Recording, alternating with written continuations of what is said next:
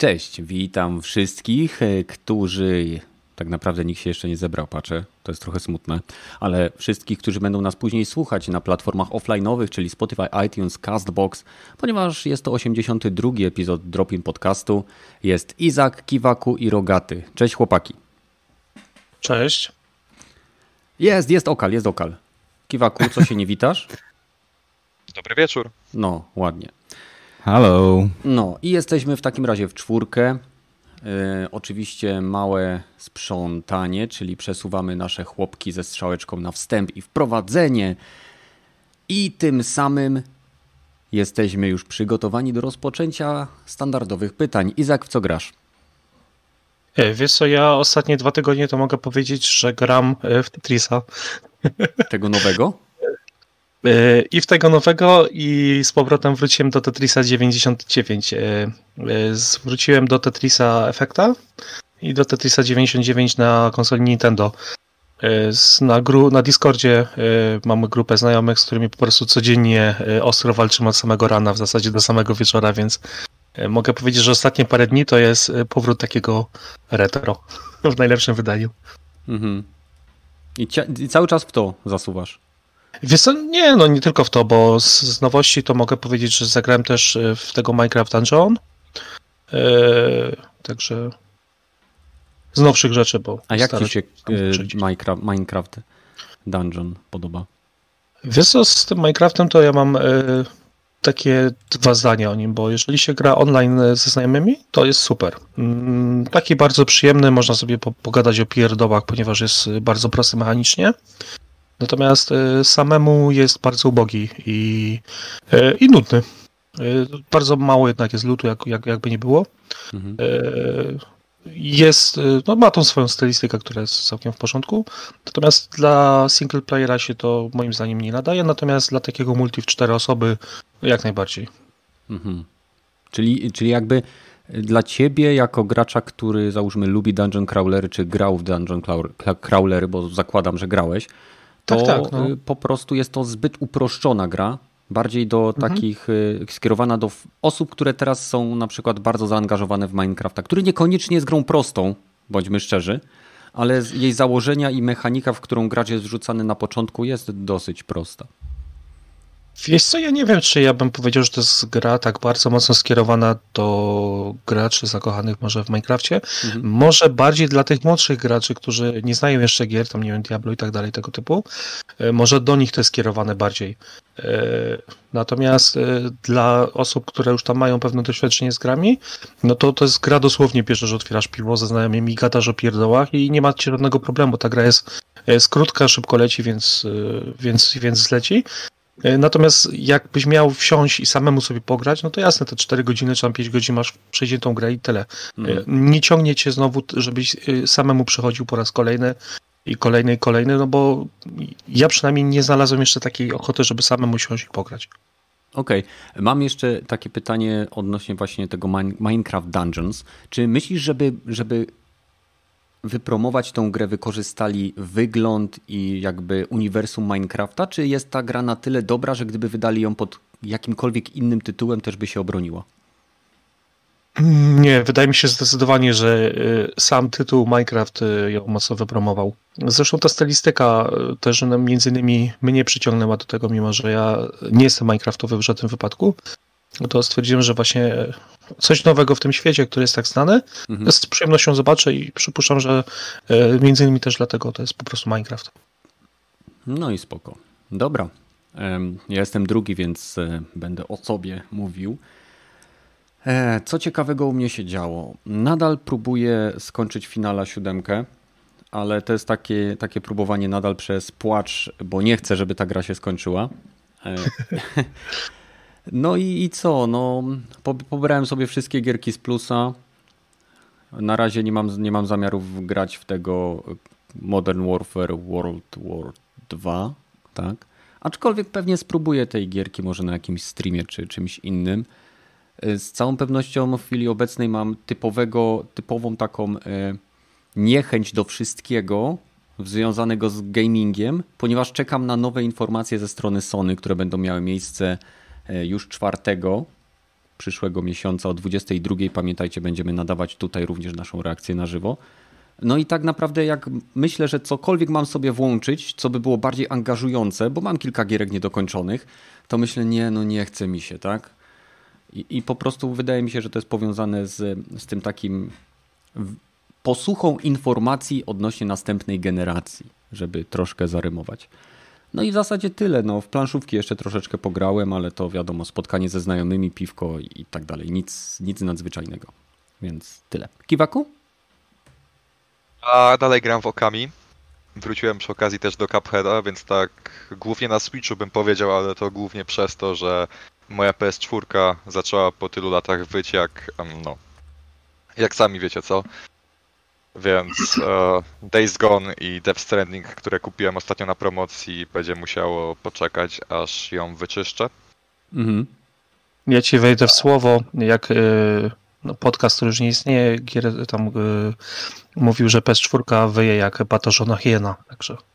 O, plus minus, tak. O, tak. ale batorzoną hienę to niełatwo znaleźć. Wyjątkowo trafne stwierdzenie było, a podcast już nie istnieje, także mhm. spróbujemy utrwalić jego dziedzictwo. Dobra, utracone dziedzictwo. E, w każdym razie ja za niedługo też będę czyścił sobie konsolę e, i prawdopodobnie jakiś materiał z tego powstanie. Będzie zabawnie, jak ją wyczyszczę, złożę i na przykład nie będzie działać, bo mam w tym takie doświadczenie jak każdy inny, kto ma konsolę w domu, więc hmm, będzie ciekawie. I co? I tylko to. Na Switchu tam Ja mam do ciebie, Kiwaku, pytanie, bo y, nie wydaje ci się, że okami się już mocno zestarzało? Tak, mówiłem na tym, mówiłem na ten temat na ostatnim podcaście. Aby w ogóle zagrać w tą grę, trzeba dużo poszperać w ustawieniach, odwrócić e, obrót osi Y i X, aby no, samo sterowanie postaci nie było aż tak sztywne, zwiększyć, zwiększyć czułość kamery i tak dalej, i tak dalej, więc gra się zestarzała, ale też w bardzo fajny sposób wykorzystuje ekran dotykowy Switcha, więc tego się też tak bardzo nie czuje. On nawet nie sprawdzam, że jest ekran dotykowy. Nie, bo ja kupiłem to na Switchu, ledwo się pojawiło, to po prostu pobiegłem do sklepu, wyrzuciłem dolarami w nich, mhm. E, po czym pograłem pierwsze 2-3 godziny i stwierdziłem, kurde, ale ta gra jest stara, a mam już na wszystkie platformy, jakie wyszła, więc... No. To masz troszeczkę tak, jak ja miałem z finalem siódemką. No, dobra. Rogaty? A, w sumie to postanowiłem skorzystać z fajnej promocji na Steamie. Jak ona się tam nazywała? Eee... A, tak. School for the School God. I inne takie rzeczy. Czyli e, w sumie świat Warhammera 40 tysięcy, bo wziąłem wreszcie się, za, wziąłem za Gladius, to jest taka strategia Aha. turowa. No najłatwiej mi porównać to do, do cywilizacji. Heksami, e, heksawowa mapa, buduje się miasto, buduje się jednostki, atakuje się przeciwników. Mhm. I druga znowu giera też z tego samego świata e, Mechanicus, czyli Adaptus Mechanicus, czyli ci, co Aha. rządzą e, tymi e, tworzeniem mechów, ten, i technologii generalnie broni, i technologii tak, w tym uniwersum, więc tam znowu to jest też strategia tak jakby turowa, ale mało w nią grałem. No, można by ją porównać do X-Koma, o, tak bym powiedział, że mhm. się atakuje. E, no, dosyć dziwna jest. No, na razie mnie nie, nie weszło. Bardziej ten Gladius, bo pograłem 6 godzin, zacząłem grać w tutoriala i oczywiście go przegrałem, a podobność to jest najłatwiejsze. Więc okej. Okay. Znaczy, przepraszam, Będzie... przepraszam grałeś 6 godzin i dopiero po tych 6 godzinach zacząłeś grać w tutoriala? Nie, grałem tutoriala 6 godzin i go przegrałem i zacząłem od nowa. Aha, aha, do, aha. To jest no to taki tutorial jak w Red Dead Redemption. No nie, nie do końca, bo tutaj masz praktycznie wszystko od początku dostajesz, tylko że takie łatwi przeciwnicy i kampania jest po prostu pierwsza misja, dają ci ofem taką, że to będzie łatwe. Mm. Okej, okay, ja że pierwszy raz grałem w tą grę, to a, to nie wiedziałem, że tak mnie złoją baty, że jak się prze, przedłużę swoje ten dostar, dostawy swoich jednostek na linię frontu, to mnie po prostu zajdą od tyłu i zaczną mnie gnębić. I, i a, zapomniałem, że nekrossi, jak się ich nie zabije od razu w jednej turze, to oni się co chwilę, co turę odradzają. Shit. Potem miałem... Przeklęci nekrofile. To, no, nekrofilami by im nie nazwał, ale ale no, fajnie się gra, na razie mi się w, mhm. w chuj podoba ta giera. A powiedz mi, czy w tym zestawie był też Deadwing? E, z tego co mi pamiętam, bo tam jest. Bo to jest ten shooter FPS, taki podobno bardzo niedoceniony. Był kilka razy na mocnej promce na PlayStation i ja uwielbiam uniwersum Warhammera. Pamiętam kiedyś e, dali fajną strzelankę z trzeciej osoby od THQ Nordic. To przeszedłem, genialna gierka. I właśnie podobno świetny jest e, Warhammer 40 tysięcy, chyba Deathwing albo Blood Angels. Znaczy Deathwing to się nazywa chyba jednostka, którą się tam gra. I to jest e, coś na zasadzie Left 4 Dead, przynajmniej ja to tak z tego co obserwowałem ten tytuł, to mm, Left 4 Dead tylko w świecie Warhammera. I niesamowicie o. fajnie to wygląda z tych filmików, które widziałem, no ale... O, Space Hulk Deathwing. Dokładnie Space tak, gadki. A, dobra, no teraz, teraz ja. No tej, tej giery jeszcze nie ma. Mhm. Irenia ale, się ale... chwali na czacie, że kupiła dzisiaj subskrypcję na 12 miesięcy y, za 165 zł. Irenia? Ja też, ale troszeczkę wcześniej, chyba przedwczoraj. No, no mów dalej, mów. No z, z, z tych, tych, tych e, e, Warhammerowych to jeszcze tylko Space Marina bym poleciał, jeżeli ktoś ma za mało, e, mało ma kasy, a chce sobie w coś porządnego z tego świata pograć, to polecam, jest niesamowity. To jest shooter z trzeciej osoby, nie? Yy, tak, no, znaczy, no, to... no combat bardzo, bardzo mocno no, shooterem, no tak, no z trzeciej osoby shooter, tak, tak można Upgrade'y by to... broni się z takich y, sąd, które są wbite w ziemię, ten tak, jetpack się tak. upgrade'uje i walczy się z orkami. Głównie. Yy, tak, na no, początku, no to to jest ta gierka, się... o której mówiłem. Genialny tytuł. Ja się tak świetnie bawiłem. Bolter tam jest po prostu różne widziałem wersje, Boltor, Boltor się to chyba nazywa. Bolter, no, no to jest no, podstawowa broń. No podstawowa broń. To jest jedna z najlepszych implementacji tej broni w wielu grach, które po prostu mogłem zagrać z Warhammera 40 tysięcy. Czuć po prostu jak to coś jak uderza, to jest tak jakbyś po prostu strzelił z małego pociągu w przeciwnika. Mm. Takie, takie poczucie, no, taka fantazja mocy, taki... Bo jest jeszcze, oprócz tego Space Hulka, to jest jeszcze ta e, nie relikotowa, tylko strategia w kosmosie, ta Battle e, e, nie wiem, Gothic Armada, nie? Gothic Armada, podobno mega trudna. No, Inquisition jest jeszcze w promocji. Gothic Armada, z tego co wiem, jest w Xbox Game Passie. Mm, Eternal Crusade chyba też jest w mhm. promocji z tych, z tych gierek. O tej, tej co Left 4 Dead to było chyba jeszcze inna nazwa, nie pamiętam już w tej chwili, ale... Kurczę, no teraz ci też nie powiem, bo to tak A... wyskoczyłeś znikąd. Wiem, że tam się znowu Terminatorami chodzi po tym, e, po tych wielkich statkach, e, Space Hulkach, to, mhm. ale to, to już jest ten Kill Team, Warhammer 40 tysięcy Kill Team chyba to jest, ale nie jest, nie, to znowu jest 2D e, gra. No nie, no, tak w każdym razie ostatnio gier... był wysyp gierek z Warhammera. No, one Podobnie już... są jak wysyp gierek z świata Cthulhu. Tak? No, no. Były y, planszówki, były kurcze strategie taktyczne, dwie przygodówki przez różne firmy. Nie wiem, jakieś, mam wrażenie, że oni takimi jakimiś, jakby się zgadywali na takie fale określonych gier. Deadwing, Deadwing to się nazywa. No. Space Hulk Deadwing. No pisali, to, to, to pisali mówiłeś... właśnie. Space Hulk Deathwing. No. Enhanced tak, Edition jest, właśnie, jest. Tak, to, to się właśnie z, z Gene Stillerami, z tyranitami walczy na tym tak. statku, z tego co pamiętam.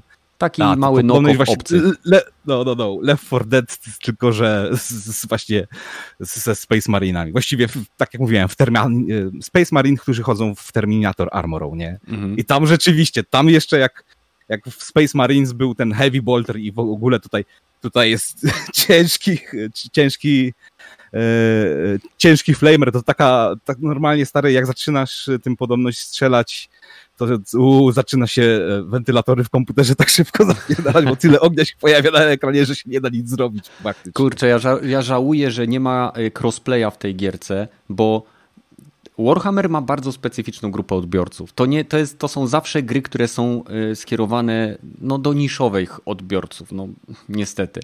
I chciałbym, żeby tam był crossplay, bo, ja, no tak, no wiesz, dzięki temu nie muszę się pierdzielić w jakieś uśrednianie wszystkiego pod, y, wiesz, wspólny tam mianownik, ale y, jest problem z graczami, którzy kupują tą grę, załóżmy mega fani, kupują tą grę na premierę, grają przez kilka miesięcy i później bardzo szybko multi w takich grach umiera. Mm, to fakt. No, gdyby no, tam był crossplay, trzeba... to by była szansa, żeby z kimś zagrać, a tak to e, szkoda mi no. pieniędzy po prostu, bo w pojedynkę granie w to będzie o wiele gorszym doświadczeniem niż e, z ekipą. Znaczy, wiesz, na PC masz akurat ten plus, że jest co najmniej. Ja na Discordzie mam chyba co najmniej trzy albo cztery e, tak jakby ten e, grupy ludzi, którzy tylko i wyłącznie Warhammerem i 40 tysięcy mm. się zajmują i zawsze się znajdzie ktoś na tym e, kanale, co e, macie tą grę? No mamy. No to gramy? Okej, okay, nie ma sprawy, więc no. mo można znaleźć. Tylko, ale jakbyś chciał wejść tak od razu do gry i samemu dać sobie szukać rozgrywki, no to będziesz, będziesz czekać. No, nie ma bata. Niestety. Dobra. Tym samym zakończyliśmy wstęp. Dzisiaj będziemy rozmawiali o trzech tematach, które nie są może jakimiś mega interesującymi rzeczami, bo te najbardziej interesujące będą się działy dopiero w przyszłym tygodniu lub działy się i mówiliśmy o nich w reakcjach na żywo. Będziemy mówili o tym, że zgodnie z, założycie, z przewidywaniami założyciela Frontier Developments, czyli twórców Elite Dangerous, Obecny trend zakupów gier cyfrowych wskazuje na to, że według jego oceny, nie wiem skąd wziął te dane, e, już za 3 lata sprzedaż gier w formie cyfrowej e, będzie, jeżeli nie tylko tą formą dystrybucji, to dominującą, a e, cytując go, że skąd te wnioski sobie wyciągnął. Zauważyłem znaczne przyspieszenie przejścia z kopii fizycznych na cyfrowe to jest dobra rzecz dla nas. Prawdopodobnie za 2-3 lata fizyczne kopie e, mniej lub zostaną wyparte z rynku i wszystko to stanie się prawdopodobnie e, troszeczkę szybciej może nawet, czy, czy to zostało przyspieszone przez obecną sytuację globalną, mowa oczywiście o COVID-zie. I oczywiście dodał jeszcze, że nie oczekujemy, że fizyczne kopie zupełnie znikną, e, ani nawet on by tego nie chciał. Po prostu on uważa, że e, w momencie, kiedy cyfrowa dystrybucja będzie tą dominującą, będzie to korzystne dla branży. No i teraz pytanie do Was i do czatu. Czy widzicie, biorąc pod uwagę obecną sytuację, fakt, że wielu ludzi przerzuciło się na zakupy właśnie internetowe i biorąc pod uwagę to, jak wygląda rynek PC, e, ile lat zajęło przejście rynkowi PC z wiadomo, dystrybucji tych fajnych kartonowych, dużych pudełek e, do stu, praktycznie stuprocentowej cyfrowej dystrybucji. Jak widzicie to na konsolach, biorąc pod uwagę COVID-19? Zacznijmy może od Rogatego, bo on jest PC-ciarzem, więc zarzuć nam tutaj temat z twojego punktu widzenia. Mm, no, gościu mówi z sensem, bo też trzeba pamiętać, że oprócz konsol i PC-ów istnieją jeszcze komórki, gdzie jest całkowity dysk, e, całkowicie cyfrowy świat, więc no dobra. I to jest właśnie największy, najbardziej przynoszący zyski wielkim dystrybutorom, wielkim wydawcom e, rynek, niestety, ale taki jest fakt, bo Call of Duty na komórkach się lepiej sprzedaje niż na PC-tach. Przynajmniej tak, tak się chwalą, że lepiej lepiej na tym zarabiają. Może dlatego, że e, no cóż, ale mniej nakładu pieniężnego musieli, żeby wydać tą gierkę na, na, na komóreczkach dać. Czy, czy na PC i na innych konsolach, ale, ale tam właśnie jest wiele części. Tam nie ma fizycznych kopii. Nie ma żadnej, absolutnie, więc mhm. ma to sens. Jeżeli chodzi o konsol, o, jeżeli chodzi o PC, to już w tej chwili, jeżeli chcesz kupować, to tylko i wyłącznie kolekcjonerskie i też jeżeli chcesz kupować nawet nie kolekcjonerskie, pudełkowe giery, to no, naprawdę ciężko znaleźć coś, co by uzasadniało to, że chcesz kupić cyfrową wersję, bo i tak masz przypisane to albo do konta, albo mhm. te pudełko jest w takiej ubogiej, w takim ubogim wydaniu, że dobra, i tak kupię za 10-20 zł, to na premierę za 10-20 zł cyfrową wersję taniej, szybciej. Będę to miał w domu, niż bym musiał jechać do sklepu albo czekać na kuriera. Jeżeli o konsolę chodzi, to no, nadal jest duża, duża rzesza ludzi, którzy A. lubią się wymieniać, B. nie mają dobrego dostępu do internetu takiego, e, który by pozwalał im, dopiero nacisnąłem e, kup i za 20 minut, za 20 minut gram, jak to jest na PC w tej chwili. Czyli niezależnie jaka gra w tej, no nie wiem, może, może poza największymi takimi krowami jak Call of Duty, co 200 giga teraz ważą, ale praktycznie każdą grę po zakupie na Steamie mogę grać w 5 do 20 minut, bo tak szybko się ściąga, rozpakowuje i potem start i jedziemy. Gdzie na, na, na konsoli pewnie to by potrwało co najmniej półtorej dnia. Jeżeli mówimy o kodzie, bo 200 giga nie, nie, ma, nie, ma, nie ma bata, będzie się ściągało. Nawet no. na, na, na X się wcale nie ściąga szybko. A powiedz mi, kiedy ostatni raz kupiłeś fizyczną kopię? Jako posiadacz PC-ta, użytkownik Steama. Niech no sobie przypomnę. W zeszłym roku? Na pewno, nie, jak się nazywał? Division 2 chyba kupiłem. Chyba mhm. Rage'a kupiłem też pudełkową. Okej, okay. a e, powiedz mi, e, bo ty pewnie się orientujesz bardziej, czy często zdarza się na PC, że kupując pudełkową wersję gry w środku masz tak naprawdę kod na Steam? Mhm. Y, wiesz co, to pierwszy raz mi się zdarzyło, jak kupowałem dodatki do Skyrima. Mhm. W pudełku było ofen pudełko plastikowe, otwierasz, a tam nawet nie ma y, miejsca na, na płytę, tylko jest specjalne wycięcie na kartę, tak jakby kredytową, co ma zdrabkę.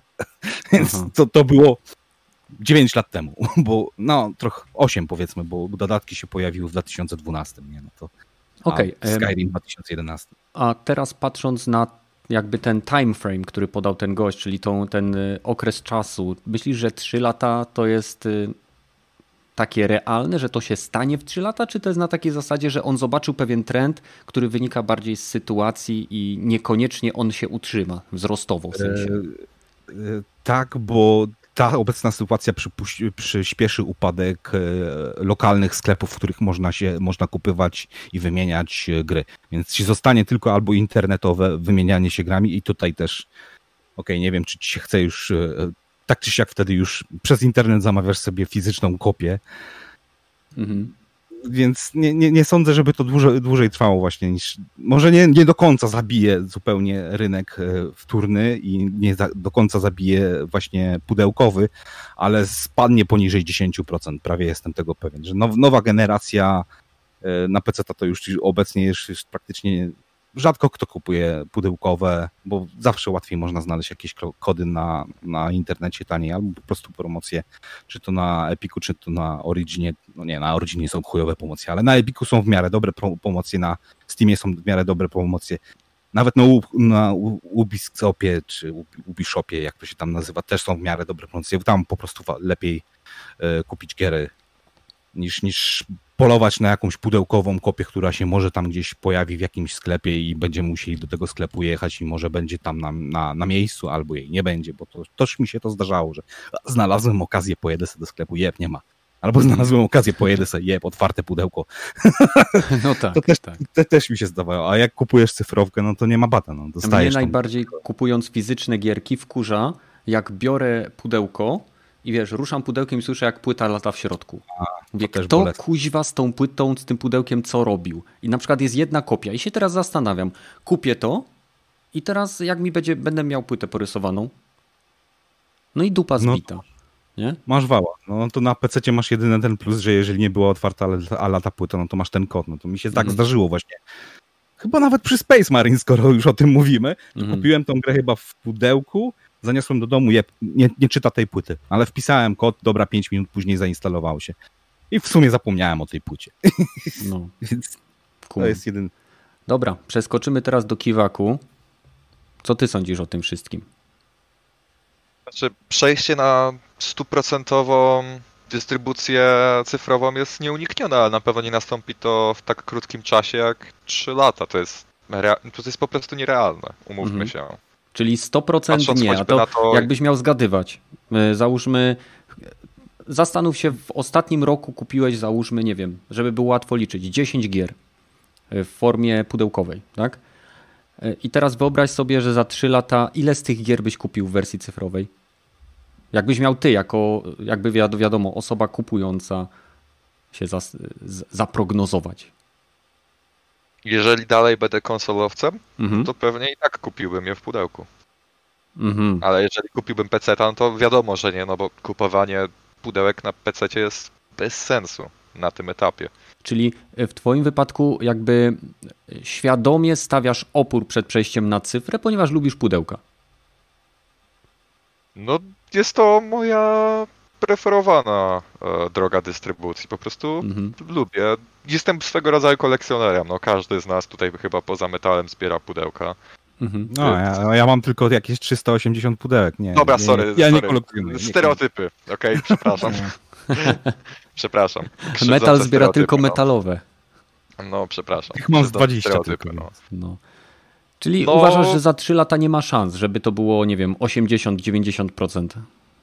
Z całą pewnością stanie się to w ciągu tej dekady, ale nie w ciągu 3 lat. Okej, okay. okej. Okay. To jest nierealne. Ok, spójrzmy na choćby na to, jak sobie poradził e, Xbox One All Digital, tak? Przecież ta konsola się praktycznie nie sprzedała, no bo ludzie na konsolach wolą kupować edycje fizyczne, przynajmniej jak na razie, tak? Nawet mhm. w Polsce, która jest dość silnie PC-towa, 52% sprzedawanych gier jest wciąż w pudełku, tak? No to no tak. To chyba znaczy, że nie jest jeszcze aż tak źle. W ciągu następnych 5, 6, 7 lat z całą pewnością, ale... A pozostałe 48% jest z torrenta. No a pozostałe 48% jest z torrenta, no. Prawda. Dobra. Izak, co ty sądzisz o tej całej sytuacji? Czy założyciel e, Frontier Games, tak, Frontier Developments, faktycznie ma jakieś zdolności Nostradamusa i ma rację, czy raczej to jest na takiej zasadzie, znaczy... że facet widzi coś, ale niekoniecznie to będzie miało przełożenie na realia? Znaczy, wyciągnął wnioski, które nie trudno było wyciągnąć, więc yy, sam po sobie widzę, że coraz więcej gier tak naprawdę kupuję już e, cyfrowo, mhm. bo tak mówisz o PC, mimo że jestem graczem konsolowym, to ja na PC dwa lata temu kupiłem pudełko i tam już był kod. Na Switcha niektóre gry, które się kupuje w pudełku już posiadają kod, E, przy czym to w dalszym ciągu jest jakby zakup pudełka. Mhm. Natomiast e, w czasie, kiedy kupuje się grę i tak naprawdę e, ona nie jest gotową produktem, tylko to jest produkt, który wymaga poza tym day one patcha, produkt, który wymaga tam wielu, wielu, że tak powiem, i tak czy siak musisz ściągnąć dane z internetu tam dodatkowe, plus potrzebujesz dostępu online, bo często gry teraz już potrzebują być podłączone do sieci, żeby, żeby dało się grać no to nie widzę sensu, żeby e, gry wychodziły w pudełkach w dalszym ciągu. Natomiast e, z drugiej strony e, wydaje mi się, że na rynku konsolowym to się nie stanie tak szybko, albo nie stanie się to w ogóle. Choćby z powodu tego, że mam nadzieję, że w nowej generacji gry nie będą przypisywane do konta, tylko w dalszym ciągu będzie się dało grami wymieniać. No Bo tak. Nie wiem, czy któryś z Sony, czy albo Microsoft, czy potwierdzili, że gry na nowych generacjach będą tak jak do tej pory, czy coś się zmieni z pudełkami? Znaczy wiem, że na pewno Sony i Microsoft idą mocno w kierunku cyfry, mają troszeczkę inne podejście w tym kierunku, bo z tego co widzimy Microsoft idzie w kierunku smart delivery, tak? Czyli zakupujesz tytuł i on jest na wszystkich platformach, na których go zakupiłeś, jeżeli jest w tym programie, jest dostępny. I w tym momencie to jest takie bardzo prokonsumenckie i naturalnie skłania graczy do zakupu wersji cyfrowej, bo wtedy gram gdzie chcę. I to jest takie bardzo łagodne, y, jakby y, zaprowadzenie graczy do tego cyfrowego źródełka. Coś, co, coś jest zupełnie o 180 stopni innym kierunkiem niż kiedy próbowali sprzedać graczom konsolę Xbox y, One X, y, Xbox One, gdzie mówili, że konsola musi być online, że gry będą musiały być rejestrowane i co 24 godziny certyfikowane, tak? Wtedy to był największy ich błąd i to ich pogrążyło. Teraz robią to mądrzej. Sony robi podobnie, tyle tylko, że no na chwilę obecną nadal jakby mam wrażenie, że Sony bardziej idzie w kierunku y, takiego podlizywania się takim starszym piernikom, graczom y, z taką nostalgią względem pudełek, y, z, z, z, graczy, którzy, graczom, którzy lubią jakieś generacje właśnie kolejne, wiesz, że, że będą ekskluzywy tylko na PlayStation 5, nie będzie wstecznej kompatybilności tytułów nowo wydanych na konsolę Sony. Myślę, że oni idą w takim kierunku, że mają zupełnie inne podejście. Microsoft chce chwycić nowe pokolenie, a Sony chce utrzymać stare albo przeciągnąć do siebie stare w nadziei, że nie wiem, może nauczymy nasze dzieci grać na konsolach Sony, nie wiem. Tak jest, to, no. jest to i właśnie Nintendo w tej chwili, bo oni już próbowali całkowicie ten bezpłytową konsolę wydawać, nie? Wii miało chyba taką wersję. Mhm. Nie, Wii... Wii miało wersję tylko, miało bez, bez, bez napędu chyba, nie? Wersja. Nie, to była wersja wykastrowana, to była pomniejszona wersja y, wykastrowana z GameCube'a, taka czerwona mała. Ona była w dalszym ciągu obsługiwała płyty. A, o, to nie tak, tak, tak. Ona była dosłownie wielkości napędu CD, bo to tam elektronika była malutka, natomiast ona obsługiwała normalnie yy, płyty.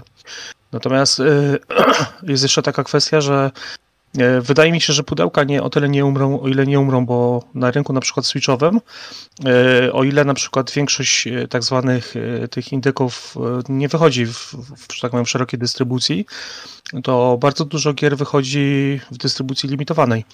I mhm. są firmy specjalne, które tam się specjalizują, to jest na przykład Limited Run Games, czy tam... Tak, znam tą firmę, no. Z, dobrze pamiętam, Super Ray Games, coś takiego?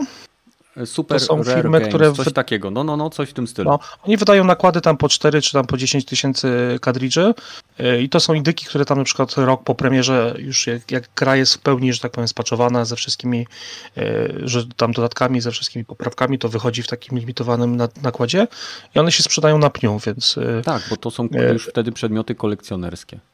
Tak, natomiast to wiadomo, nie są takie kolekcjonerki w pełnym tego słowa znaczeniu z figurkami i tak dalej, bo to jest po prostu zwykłe pudełko plus kadridż. No tak, ale czasem e, Także... same wydania są bardzo fajnie zrobione. Są dodatkowe elementy w pudełeczkach, jakieś tam bajery, bo y, tu akurat y, ten, ten Limited Run Games ostatnio miał jakiś problem z wydaniem gierki. Nie pamiętam, chyba ugięli się przed jakimiś Social Justice Warriors, ale nie będę zagłębiał się w temat, bo dokładnie nie pamiętam. To było miejsce chyba 6 czy 7 miesięcy temu, więc no ale właśnie, to jest limited run games, no to, to będziemy mieli tylko chyba w tej chwili dwa takie rodzaje gier. Super limitowane wydania po 5-10 tysięcy mhm. i masowe, czyli GTA i Call of Duty, a cała reszta pójdzie do digitala.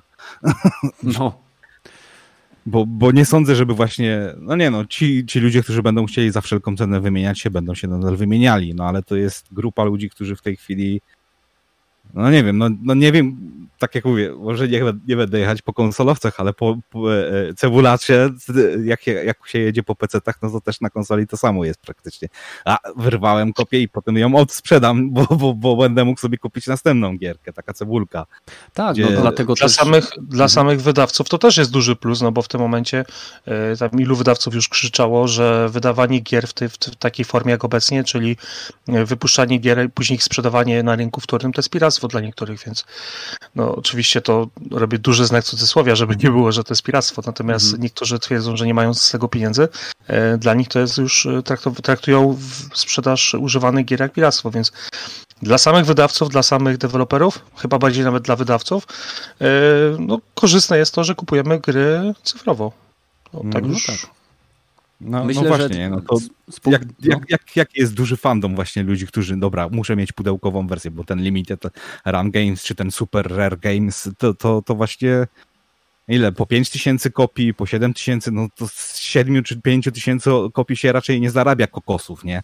Więc wydanie mhm. takiej gry, a cała, a pozostałe gry, które wychodzą właśnie w wersji cyfrowej, te, te indiki, no to mhm. chyba zarabiają cał, lwią część swoich pieniędzy właśnie z cyfrowej, no to ale no, tak ja ci rogaty powiem, bo ja siedzę w tych społecznościach Nintendowych, to na jednym ty serwerze, tam jest ze znajomych mam parę osób, którzy nigdy nie kupią gry, która nie wyjdzie w pudełku i to są naprawdę, czekają na indyki i czekają na przykład na te limitowane edycje i tak dalej czasami, bo tylko i wyłącznie taką formę akceptują i oni absolutnie nie, nie kupią żadnej gry cyfrowej i koniec i e, i takich ludzi będzie pewnie coraz mniej, ale są ludzie, którzy, dla których tylko i wyłącznie cyfrowa dystrybucja no, fizyczna trafia.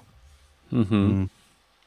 No nic, no generalnie sytuacja wygląda tak, że realnie patrząc na to, nie ma szans, żeby fizy rynek fizycznych gier wideo zniknął zupełnie, bo nawet jeżeli będzie to bardzo mała niewielka grupa entuzjastów, którzy będą kupowali tego typu wersje nośników, to będą one wydawane tak, jak są wydawane płyty winylowe, nawet najnowszych płyt znanych zespołów, tak jak są wydawane właśnie y, limitowane y, edycje gierek, które normalnie są indykami w wersji cyfrowej nie ma szans, żeby to zupełnie odeszło. Tak? Wydaje mi się, że. No, przynajmniej na pewno nie w tej generacji konsol. Bo no, na pewno. Wydaje mi się, że przynajmniej. Z napędami. Jeszcze... Tak. Także od najbliższe 7 lat myślę, że my jesteśmy spokojni. No, myślę, że my jeszcze spokojnie możemy zagrać tą generację na płytkach i pożyczać sobie płytki a wracając do tych oszczędności i cebularstwa, no to to jest jeden z powodów, dla którego część graczy, posiadaczy konsol, nie tylko w Polsce, bo e, znam też osoby, które mieszkają na zachodzie, dzielą się po prostu wspólnie kątem. tak? Kiedyś można było w przypadku Sony dzielić aż pięć tych kont i Sony za późno się zorientowało i później ograniczyło to do dwóch, ale sam proceder nadal ma miejsce, no więc... No ale e, na PC też Steam masz family sharing i tak dalej, to działa na mhm. prawie identycznej zasadzie. Mhm. No dokładnie, tam jest y, jakiś do rodziny się dodaje, tak? Jakoś jest tak. jakiś proces, że można tak kombinować. Więc no różne są sposoby, dla chcącego nic trudnego. Jakoś te firmy nie bankrutują. Dobrze, Przechodzimy do kolejnego tematu, który może się otrzeć o bankructwo. E, jak doskonale wiecie, 4 e, przyszłego miesiąca o godzinie 22 będzie miał miejsce pokaz trwający około godziny, który będzie przedstawiał przyszłość gamingu, jak to Sony określiło. Jesteśmy na to wszyscy, na to oczywiście zaproszeni na ten event. Możecie go oglądać pewnie na oficjalnym kanale YouTube Sony, ale jeżeli będziecie chcieli, to zachęcam Was do oglądania naszych reakcji i komentarzy na żywo na kanale Twitch. E, to jest y, Boże. Gracz Watch Live na Twitchu. Zapominam nazwy własnego kanału. tak często korzystam, nie?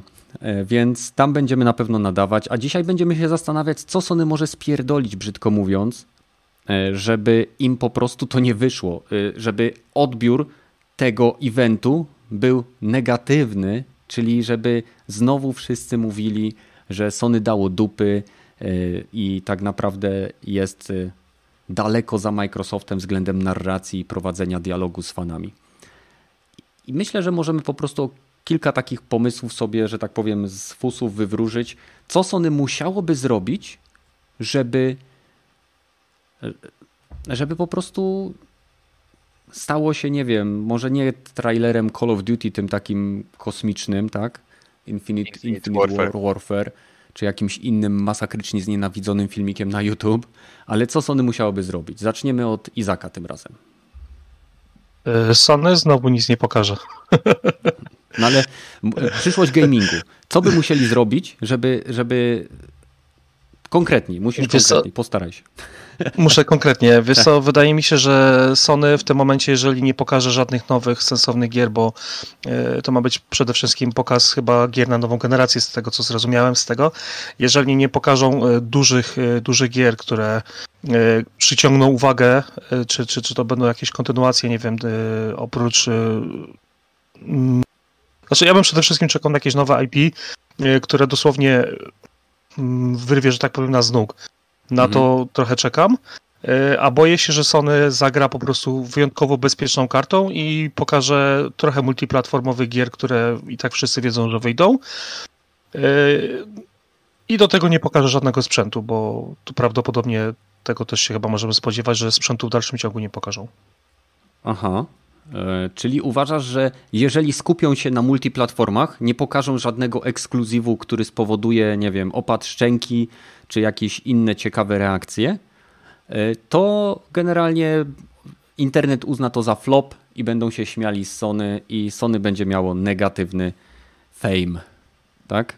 No tak, bo w tym momencie reklamowanie się grami e, multiplatformowymi to bardziej Microsoft się moim zdaniem może chwalić, no bo e, mając trochę słabszą konsolę, już tam gdzie z przecieku wiadomo, że jest fizycznie trochę słabsza, mhm. to oni muszą pokazać coś, co będzie tylko u nich, coś, co przyciągnie graczy do nich, a nie będzie odciągało uwagi do Microsoftu, który w tym momencie ma rewelacyjny PR, rewelacyjnie pokazuje e, może o, poza ostatnim E, pokazem. E, e, także mhm. wydaje mi się, że oni muszą coś, coś sensownego i takiego konkretnego pokazać przede wszystkim.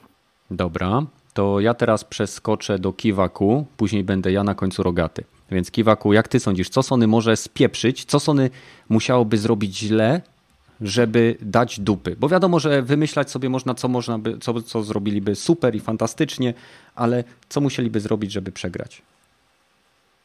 Żeby dać dupy, wystarczy, że nie spełnią się wszystkie plotki, które krążą wokół tego eventu. No bo mm. ludzie już się nastawili na to, że będzie pokaz długich gameplayów, że wszystko będzie pokazane na PlayStation 5 i że nie będą to gameplaye z e, PC-ta podpisane tylko e, przewidywana jakość na bla bla bla bla bla, nieodzwierciedlająca na razie finalnego Aha, tak jak Microsoft zrobił. Tak jak Microsoft. E, ludzie mhm. się już po prostu nastawili, że to będzie event wszechczasów i nieważne co zrobią, i tak każdy będzie. Znaczy, znajdą się osoby, które na pewno będą zawiedzione. No, nieważne, co Sony zrobi. Mhm. No e, tak sobie zerknąłem na spis tego, co było na evencie pokazującym po raz e, pierwszy PlayStation 4. No i oni wtedy pokazali Naka, Killzone Shadowfalla, Drive Cluba, Infamousa Second Son, The Witness, Deep Down, Watch Dogsy, Diablo 3 i Destiny.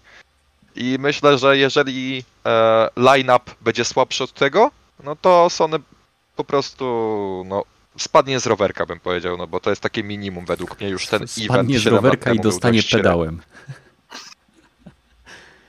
Okej, okay. czyli po prostu muszą sprostać e, tym wszystkim plotkom i e, przeciekom, które się pojawiły. To może być trudne, bo niektóre z nich są na pewno fejkowe.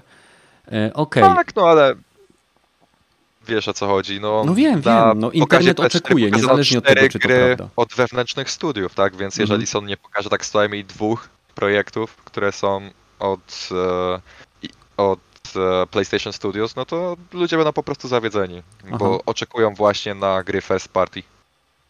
Um, czy myślisz, że dwie gry e, w takie first party by wystarczyły zupełnie? E, na start? No. Myślę, że tak. No bo umówmy się, start PS4 to tak naprawdę tylko Infamous Second Son. Reszta gier była albo słaba, albo średnia, więc ciężko je nazwać jakimkolwiek atutem i bardzo rzadko na premiery są e, miażdżące tytuły. Na PlayStation no tak, 2 było no, Fantavision, kuźwa. No tak, no miażdżące nie, ale wiesz o co chodzi. Choćby kompetentne. Przyzwoite, kompetentne, takie, Aha. które są chociaż ok.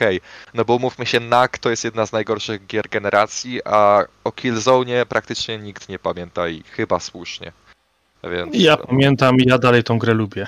A Drive Cluba zamknięto, zamknięto mu serwery i zamknięto też studio, które za niego odpowiadało, więc tylko, że z Drive Clubem były problemy, że przecież on miał, wyszedł chyba z rocznym opóźnieniem albo lepiej. E, tak, on miał być na też... premierę. E, tak. Na PS4 właśnie miały być trzy gry na premierę, więc myślę, że jeśli Sony będzie miał przynajmniej e, dwa tytuły startowe, to będzie ok. Tylko niech będą lepsze niż ostatnio i będzie git. A po premierze Drive Cluba jeszcze pamiętam, że był ten fuck up, że tam chyba przez dwa czy trzy miesiące mieli problemy z serwerami swoimi.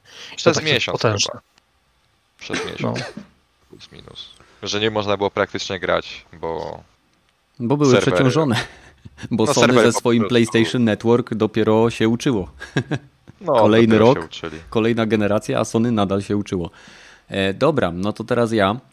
E, znalazłem na Reddicie i ktoś rzucił do nas na Discord, na który bardzo chętnie czy serdecznie Was zapraszam. Link znajdziecie w opisie, tam jest ponad 250 osób. Mega kreatywni ludzie, którzy mają też własne kanały czy własne podcasty, więc e, wpadnijcie. Ale znalazłem coś takiego, co jest oczywistym fejkiem, ponieważ e, rzekomo Sony rezygnowało z jakichś tam pokazów. E, e, pokazów po to, żeby właśnie wyglądać mega profesjonalnie, a to nie wygląda mega profesjonalnie, aczkolwiek jeżeli by to tak wyglądało, no to powiem, powiem tak- szczerze, że Wow. Jak Ati wzięło, wzięło grafikę z jakiegoś serwisu, e, no nie od, od Microsoftu, tylko od jakiegoś serwisu gościa, który zrobił e, mock-upa z Xboxa X. Aha. No, w każdym razie uważam, że Sony może spieprzyć następujące rzeczy. E, przede wszystkim nie pokazać tytułów, które będą ekskluzywne dla konsoli tak? Podkreślają, że wierzą w skok generacyjny, podkreślają, że chcą pokazać w wywiadach, nawet, y, nie wiem, Jim Ryan? Tak, Jim Ryan powiedział, że czas pokazać graczom coś, co mogą, czego mogą doświadczyć tylko na PlayStation. I więc muszą pokazać jakieś eksy, muszą pokazać grafikę, czy y, wygląd gier, który do tej pory nie został pokazany przez Microsoft, ponieważ muszą troszeczkę odebrać pędu Microsoftowi muszą pokazać y, sporo tytułów. Jeżeli to będzie godzinny pokaz, to mam nadzieję, że to nie będzie godzinna wypowiedź Marka Cerniego na temat tego, jak zajebisty jest dysk SSD i jak on zmieni przyszłość y, w momencie, kiedy będziemy sobie fotografować uszy i stopy, żeby Sony lepiej oceniało nasze ruchy. I A, fakt, faktycznie Badl ma rację. Więc y, i ten rysunek, który tutaj jest, on przedstawia czarną piramidę z lekko wysuniętym lekki, y, bokiem, bo to jest dla osób, które słuchają nas na Spotify czy iTunes. Y, I to wygląda, powiedziałbym, całkiem kompetentnie względem ewentualnego pokazu, aczkolwiek ja nie widzę, gdzie tutaj się płytę wkłada, chyba że się ten czubek tak odchyla do tyłu, jest tam taki napęd. Vertical jest po prostu ten, ten pośrodku te nacięcie. No, to nacięcie tam USB się chyba wsadza. napędów y, Blu-ray, jakie są w tym momencie, to y, i szybkości dysków SSD, to raczej będziesz czytywał wizualnie w takiej formie. Albo wiesz, kładziesz na samym czubku taki, taki, taki dysk i wtedy masz aureolkę. W każdym razie jest to piramida, czarna piramida z niebieskim paskiem po środku z logiem PlayStation.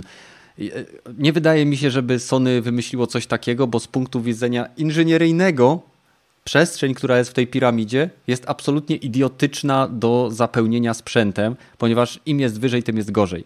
Kto mieszkał w piramidzie, ten wie, że faraonowie e, grzebią się na samym dole, bo mają tam najwięcej miejsca. Tak, e, Cinna pisze, że jest właśnie faraon w środku. Więc to są rzeczy, które Sony może spierdzielić e, i przede wszystkim może spierdzielić podając cenę. Według mnie, jeżeli podają, podadzą cenę, a Jim Ryan powiedział, że konsola ma oferować graczom dobrą wartość, ale podkreślił, że dobra wartość to niekoniecznie jest niska cena. Chodzi o to, że gracze mają mieć powód, żeby ją kupić, tak? Że to musi być dla nich wartościowe, niekoniecznie tanie. Więc jeżeli oni pieprzną cenę taką jak za czasów PlayStation 3, no to umarli w butach. No i. Ja się obawiam, że oni z ceną będą wstrzymią się nawet do września. Tak mogą e, być. coś czuję. Mogą być. Bo to jest teraz e, już, nie wiem, czy tak mi się wydaje, że walka między Microsoftem a Sony, e, który z nich pierwszy pokaże cenę. Mhm. Bo drugi prawdopodobnie weźmie koszty na siebie i 50 dolarów mniej da. Albo Też to samo. mi się tak wydaje. Też mi się tak wydaje, ale niezależnie od tego, co Sony pokaże, największym wrogiem Sony jest to, co Sony robiło do tej pory, czyli milczało. To zbudowało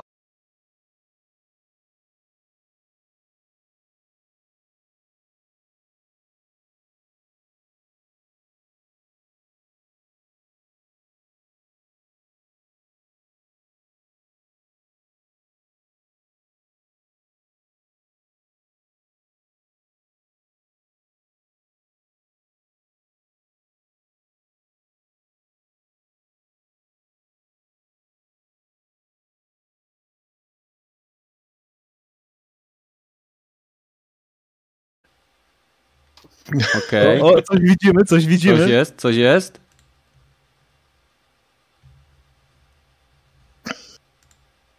Czekajcie, aż pokażę, zobaczę sobie odtwarzacz. Wygląda na to, że jesteśmy. Jesteśmy? Jest okay. tak. Dobra, super. Więc nie wiem, w którym momencie nas ucięło, więc powtórzę to, co, to moją całą myśl, że największym wrogiem Sony jest hype i oczekiwanie, jakie zbudowało wśród swojej bazy i ilość amunicji, którą Sony dała Microsoftowi poprzez to milczenie.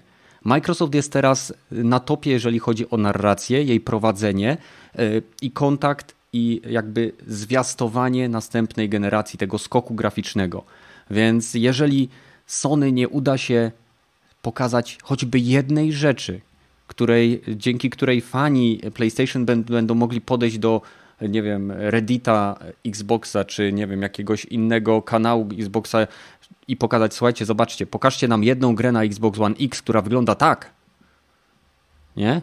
I, i w tym momencie Sony i tak, choćby nie wiem, co pokazało, będzie pogrzebane, no bo nie będą w stanie zaspokoić wyobrażeń, które ludzie sobie zbudowali. No i to by było tyle. Jeszcze tylko, aha, jeszcze chciałem tylko powiedzieć, że Jim Ryan potwierdził, że konsola będzie miała globalną premierę, więc e, wszelkie plotki odnośnie premier regionalnych ze względu na ewentualny e, mały dostęp czy niewielki dostęp do sprzętu są nieprawdziwe, co nie znaczy oczywiście, że nie będzie e, można mieć kłopotów z zakupieniem konsoli i krążą plotki, że preorder będzie można składać zaraz po zakończeniu prezentacji, czyli w czwartek po 23 prawdopodobnie. Tyle, tyle, tyle wiem i tyle To by znaczyło, że cena musi być, skoro jest preorder. Niekoniecznie, ponieważ rezerwujesz sobie egzemplarz i się na przykład wpłaca 50 zł na konsolę, nawet nie znając ceny. A, chyba, że w ten sposób. Bo tak kiedyś już było robione. Nie wiem, czy zauważyłeś, y, czy to może w tym temacie jeszcze, mhm. odnośnie PS5, że Sony jak teraz zrobił ten teaser prezentacji y, przedstawiając pada, to ten pad już nie był pokazany w tych fikuśnych kolorach tak, biało-czarnych, tylko już był zaprezentowany nie, w on jest kolorach... cały czas czarno-biały. Wystarczy sobie spowolnić i widać, że jest po prostu słabo oświetlone. Nie, nie, nie, nie. Ja byłem nie, pewien, nie, że Sony posłuchało graczy, gdzie tam krzyczeli na Reddicie, że konsola biała i tak dalej. Nie, no słuchajcie, będą dwie wersje pada, biały i czarny, no. Po prostu musicie zaakceptować, że ten pad będzie ciupkę inny na życie. A mi tam nie przeszkadza. inny, taki inny inaczej, taki brzydki. Będzie taki fajny, pożółkły po pewnym czasie, będzie widać, że był grany. No. Mam nadzieję po prostu, że Sony nie, nie nie zakochało się w swoim sukcesie związanym z PlayStation 4 i że faktycznie te wszystkie rzeczy, które mówi Mark Cerny, te rzeczy, które e, doprowadziły do powstania PlayStation 5, są jakby kontynuacją pewnego trendu, które zaczęli z PlayStation 4, czyli budowaniu konsoli przy współpracy z deweloperami, żeby jakby sprostać ich wymaganiom i ich oczekiwaniom. Wiadomo, w kontekście jakiejś tam ceny, która jest ok, ale mam nadzieję, że to jest kontynuacja, a nie to jest kolejne wejście do jakiejś jadeitowej wieży, zamknięcie się i stworzenie, nie wiem, Opus Magnum, które później okazało się PlayStation 3, Emotion Engine, Graphic Synthesizer czy Cell Broadband Engine i później wszyscy przez całą generację uczyli się tego programować. Więc... Co w dalszym ciągu nie znaczy, że to technologia nie była fantastyczna. A nie, ona była, jak najbardziej, tylko była tak egzotyczna, y, że no, ludzie mieli problem z ogarnięciem tego. I to, to nie powinno mieć, myślę, miejsca. No dobra. Rogaty. Hmm. O, o, myślałem, że, myślałem, że nie pominiesz jednak, ale dziękuję. A mam cię pominąć? Bo jeszcze nie, mogę. Nie, nie, nie, nie, bo, bo w sumie to, co powiedzieliście, to, to w sumie się zgadzam, jakby mogli to zrobić. Ale dorzucę do tego ich e, stare takie rodzaje prezentacje, czyli panowie w garniturach wychodzą mm. i przez bite 25 minut chwalą się, ile oni to już konsol sprzedali i ile gier sprzedali i jak dobrze im się te gry robi i jak ludzie się cieszą, że i będą pokazywać to uśmiechnięte twarze swoich graczy i takie bicie piany przez co najmniej 20-25 minut i potem przejdą, że to jest pierwsza konsola o pierwszym PlayStation. Potem kolejne będzie o PlayStation 2, PlayStation 3, PlayStation 4, PS Vita jeszcze wspomną, PS Portable, Go i jeszcze wszystkie inne ich konsole. Co najmniej tak, żeby nabić piany. Co najmniej 20-30 minut i potem mm. zostanie reszta na, na taki sizzle slide, y, że wszystkich gier, jakie oni to mieli już na swojej konsoli, już zajebiste gry. Pamiętacie to? Pamiętacie? Remember Berries? Takie będą odwołania do wszystkich tych najlepszych momentów ze wszystkich ich konsol ale w sumie żadnego konkretu z nowej konsoli nie pokażemy. Aha, że pojadą do... nostalgią i wspomnieniami. Dokładnie, dokładnie, nostalgia. Drugą rzecz, kto, którą mogą pokazać, to będą pokazywać te zajebiste technologiczne dema, jak na PS3 z tymi kaczuszkami, które PS3 nie mogło zrobić, albo nie wiem, e, pokażą kolejne e, tego e, Killzona, który właściwie jest renderem i Aha. który potem zobaczymy za 8 albo 9 lat, czy no dobra, bez przesady, za 5 lat. i pokażą jeszcze e, e, wszystkie gry ze swoich e, współpracowników, takie jak NHL, NFL, NBA, mhm. nie wiem, golfing, wszystkie te takie gierki, które Everybody nas... Golf, zapar... kurczę, mam nadzieję, że do, wyjdzie dokładnie. kolejna część. dokładnie. Go, golfingi pokażą, no i wtedy teaser wielki na sam zakończenie i ta gra... I Greatness nie, to nawet nie gra, Greatness Awaits i nie, to my nawet nie, e, nie, no sorry, to Square Enix tak marzy, wyjdą na scenę i robimy kolejnego remake'a, ale to nie jest remake, to tylko technologiczne demo. Fuck you all! jak to przy pierwszym pokazie PS3 chyba było, przy, przy Final Fantasy 3, jak pokazywali. Nie, nie, nie, to nie jest gra. A dobra, dobra, zrobimy tą grę. Wystarczy, że poczekacie na nią jakieś 10 czy 15 lat, ale ją zrobimy. Więc no powiem to, ci, to że... są za zajebiste pomysły, żeby jak, jakby mógł. Ale jeszcze, jeszcze z, z punktu widzenia takiego e, typowo biznesowego, to e, bardzo będę się cieszył, jak e, nic kolejny raz nie powiedzą na temat właśnie, jak będzie konsola wyglądała, to wiemy, że prawie, prawie na pewno się nie, do, nie, nie dowiemy, mhm. ale też jak będzie działać właśnie system prze, przechodzenia z pierwszej, z poprzedniej generacji na nową generację, czyli z, mhm. z PS4 gry, jak będą działały na PS5, czy, czy, czy z trójki będą działały, czy z dwójki, czy z jedynki będą, pewnie powiemy o tym w późniejszych czasie. Mhm. E, to, to na pewno będzie taki tekst, że będziemy o tym rozmawiać w późniejszym terminie, a ewentualnie e, jeszcze nie, jeszcze nie zdecydowaliśmy. Nie, albo... We have more to share in the coming month. O, dokładnie, dokładnie. No. Czyli takie konkrety, które chcesz, żeby jakie, e, jako potencjalny kupujących dowiedzieć się o platformie, zupełnie się tym nie podzielą. Mhm. Czy i, ile będą kosztować, i, e, ile będą akcesoria kosztować, czy, czy jak będą działać te z poprzedniej generacji akcesoria na nowej generacji. PSP, pewnie o PSVR w ogóle nic nie powiedzą, oczywiście, mhm. I, i, i jak będzie działać jak migracja e, kont albo save'ów będzie wyglądać właśnie z poprzedniej generacji, albo gier właśnie z poprzedniej generacji może w ogóle nie będzie generację. wyglądać. No, może w ogóle nie będzie, w ogóle tego nie powiedzą, albo powiedzą, że nie, nie ma takiego opcji. Musicie skupić te gry od nowa. To już na pewno by był jeden wielki gwóźdź do trumny. Mhm. Znaczy ja mam wrażenie, że to, co ty opisujesz, to, że oni wpadli do wielkiego worka z, gwoźdź, z gwoźdźmi, który jest okładany przez tysiąc młotków. To, to jest mniej więcej to, co ty teraz opisujesz. Nie, no ja po prostu tych, tych, tych e, prezentacji z E3 to już dosyć dużo oglądałem i mniej więcej opisuję to, co już robili, nie? Aha, czyli I nie, uważasz, nie sądzę, że zrobić po raz kolejny to o, samo. O, o, nie, nie sądzę, żeby się uczyli za bardzo na swoich błędach, bo ostatnia ich prezentacja e, po czterech dużych grach i godzinnego mieleniu i przechodzeniu z jednego pomieszczenia do drugiego pomieszczenia i mhm. Tak, no, wysz, wyszła im ta prezentacja, no nie wiem, no same gry były ok, ale prezentacja to taka śmieszna była no, troszeczkę. Chaos był straszny. Ja też się dziwiłem, co się dzieje, ale skoro Microsoft się nauczył, to myślisz, że Sony nie ma takich, e, że tak powiem, mocy przerobowych? Problem w tym, że Sony dosyć dużo zmieniło zarządu. Ja ci tak powiem, Aha. że ludzie, którzy się nauczyli na błędach, to muszą się na, na tych, no, na swoich błędach po, z powrotem nauczyć. I mu, coś czuję, że będzie wpadka nie dlatego, że Sony się nie nauczy, tylko że ludzie, którzy tam pracują, już odeszli. Że pójdą starym schematem po prostu. Nowi tak. ludzie, którzy zostali zatrudnieni, pójdą starym schematem. No, no najbardziej irytujący to by było chyba jeszcze hej, nie powiemy wam nic konkretnego czekajcie dalej. no to by a, a najbardziej, najbardziej... a najgorzej by było, jakby zrobili tak jak w przypadku PlayStation 3, y, kiedy Microsoft miał swoją prezentację, później zaczęła się prezentacja Sony i wyszedł ten arogancki gość z Sony i powiedział, następna generacja zaczyna się wtedy, kiedy my to powiemy. ja wtedy tak, ja, ja byłem wtedy łebkiem, tak jeszcze i tak patrzę na to i no pojebało go. Nie? Taka, było po prostu czuć arogancję z tej sceny, tak? Po prostu mm, tak jak z Microsoftu, jak, jak spróbował sprzedać na początku tego Xa.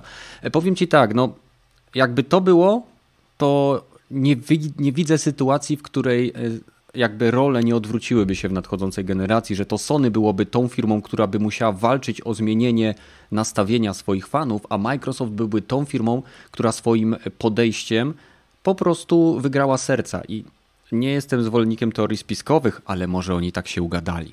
E, więc Podobno Sony rezygnowało z kilku y, podobnych do Microsoftu eventów ze względu na to, że chcieli nie puszczać filmików nagranych przez deweloperów, tylko chcieli puszczać faktyczny kod działający rzekomo na masowo produkowanych PlayStation 5. Więc zobaczymy, jak znaczy, to wyjdzie. Miejmy nadzieję, że tylko i wyłącznie serni nie wyjdzie, bo jeżeli serni wyjdzie, to będzie źle. Nie no, ja go bardzo lubię słuchać. E, tak, tylko że on się nie nadaje do takich prezentacji e, pod publikę, takich e, prezentujących. No to może Sean Murray niech wyjdzie, ten od No Man's Sky. On nam taki hype sprzeda, że jak później dostaniemy tego kartofla w pudełku z napisem PlayStation 5, to nie będziemy wiedzieli, czy my się sami oszukaliśmy, czy on nas. Wyjdzie ten Fares od A Way Out, on był kocurem. O, Fuck Albo Oscars. Niech wyjdzie Oscars. ten gość, co y, mówił o Falloutie 76. 16 razy więcej detali, to po prostu Todd będzie Howard. działać. tak, tak. 16 times the detail. It just works. Original Fallout experience, but with friends. Zobaczymy. No. Już niedługo. Słuchajcie, dzisiaj mamy Aż klikam sobie na 31, tak? Czyli mamy raz, dwa, trzy, cztery dni, nie licząc dzisiejszego dnia. I o 22 będziemy tutaj z Kiwaku, Badylem i Henszem prawdopodobnie. Lub jeżeli znajdzie się ktoś jeszcze, kto będzie miał kamerkę, pamiętajcie, kamerka jest obowiązkowa, jakoś to wtedy będziemy w stanie może przeorganizować. Będziemy komentowali, oglądali i reagowali na żywo na tą całą konferencję Sony. I lepiej, żeby Sony się postarało, no bo tak wygłodziło swoją bazę, że nie wiem, nie wiem czy Paris Hilton po wyjściu z więzienia była bardziej wygłodzona, czy fani Sony. W każdym razie, przechodzimy dalej. Niedawno miał miejsce State of Play. E, widzieliśmy wszyscy gameplay, reagowaliśmy na żywo, też jest ten materiał na YouTube. Co sądzicie o tym? Co, co wam się podobało? Czy, czy było coś, co was totalnie odrzuciło? Czy ten pokaz was zawiódł? Czy podkręcił wasze zainteresowanie tym tytułem? Żeby za bardzo się też nie powtarzać względem tego, co było wiadomo w naszym poprzednim materiale. No to teraz Rogaty zaczynał.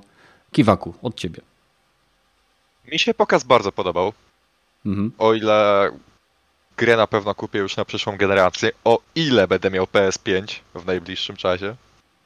Kto wie, może tym razem wybiorę Xboxa, ale no nie wiem, okej, okay, dobra, ale jeżeli jeżeli zdecyduję się na PS5, to zdecydowanie na tą konsolę kupię The Last of Us, no bo jednak ogranie tego w lepszej jakości, lepszej płynności to będzie zdecydowanie lepsze e, doświadczenie. Mhm. Ogólnie rzecz biorąc. I nie mam też aż takiego hypu, ponieważ e, fabuła gry została mi zaspoilerowana już e, kilkukrotnie. Co prawda w dość, powiedziałbym, małym stopniu, że nie jest to aż tak znaczące, ale wciąż, więc. Czyli trafiłeś niestety na te wycieki. No, traf... nie, nie trafiłem na przecieki, po prostu trafiłem na gifa na Twitterze, który mi się włączył automatycznie i nie zdołałem go zastopować. E, I raz na streamie TV gry e, z gry Man Eater ktoś na czacie opisał dość, e, myślę, że średnio ważną sytuację z fabuły, ale wciąż no to jest spoiler, taki, no może nie, nie wiem czy to będzie kluczowe, szczerze mówiąc, nie wiem czy to jest prawdziwe w końcu, to tylko komentarz kogoś na streamie, ale myślę, że Mhm. Kumam. Ale no. generalnie nie zawiodło cię to. Znaczy, to co zobaczyłem nie było jakoś przesadnie złe, bym powiedział, w sensie, jeżeli zostanie to odpowiednio opakowane i będzie kontekst i nie będzie to po prostu takie dziejące się znikąd, no to będzie to naprawdę spoko. Kumam, kumam. No ale są, no rozumiem też po części oburzenie ludzi, nie? No bo na niektórych materiałach można zobaczyć, że e, ta postać, która jest wieszana na jednych z gameplayów, mhm. E, co jest potem uratowana i tak dalej. Jej biceps został znacząco powiększony w najnowszym buildzie gry w stosunku no, do tego, widziałem. co pokazano oryginalnie. E, więc e, no rozumiem, że niektórym może to na przykład nie pasować, bo postacie niektóre damskie w tej grze będą jednak zbudowane w sposób no dość niecharakterystyczne dla... Ja, przestań obijać w bawełnę, one wszystkie wyglądają paskudnie. Nie, no, Co, nie wiem, stary, nie, nie, bez Eli według ale... mnie wygląda w pełni okej. Okay. Mm, przeciętniak. Możesz zrobić każdą postać i zrobić ją dokładnie tak, jak ci się podoba. Pamiętaj, że to jest gra. to nie jest zatrudniałem aktorkę, chociaż zatrudniali aktorkę i wzorowali się na tych postaciach aktorek, ale mhm. tu y, ofen widać, że te paskudne są te postacie kobiece. Paskudne. Ale muszą być ładne. M a czemu nie mają być ładne? Czemu mają no bo być może brzydkie? twórca nie chce, żeby były. Okej. Okay no, to świat postapokaliptyczny, więc no, kobiety Maskary nie mają nie ma, dostępu do maskar i szamponów, więc też rozumiem, że no, świetnie ale terapii genowej, będzie, ale... ale terapii genowej, żeby były trans już tak, tak?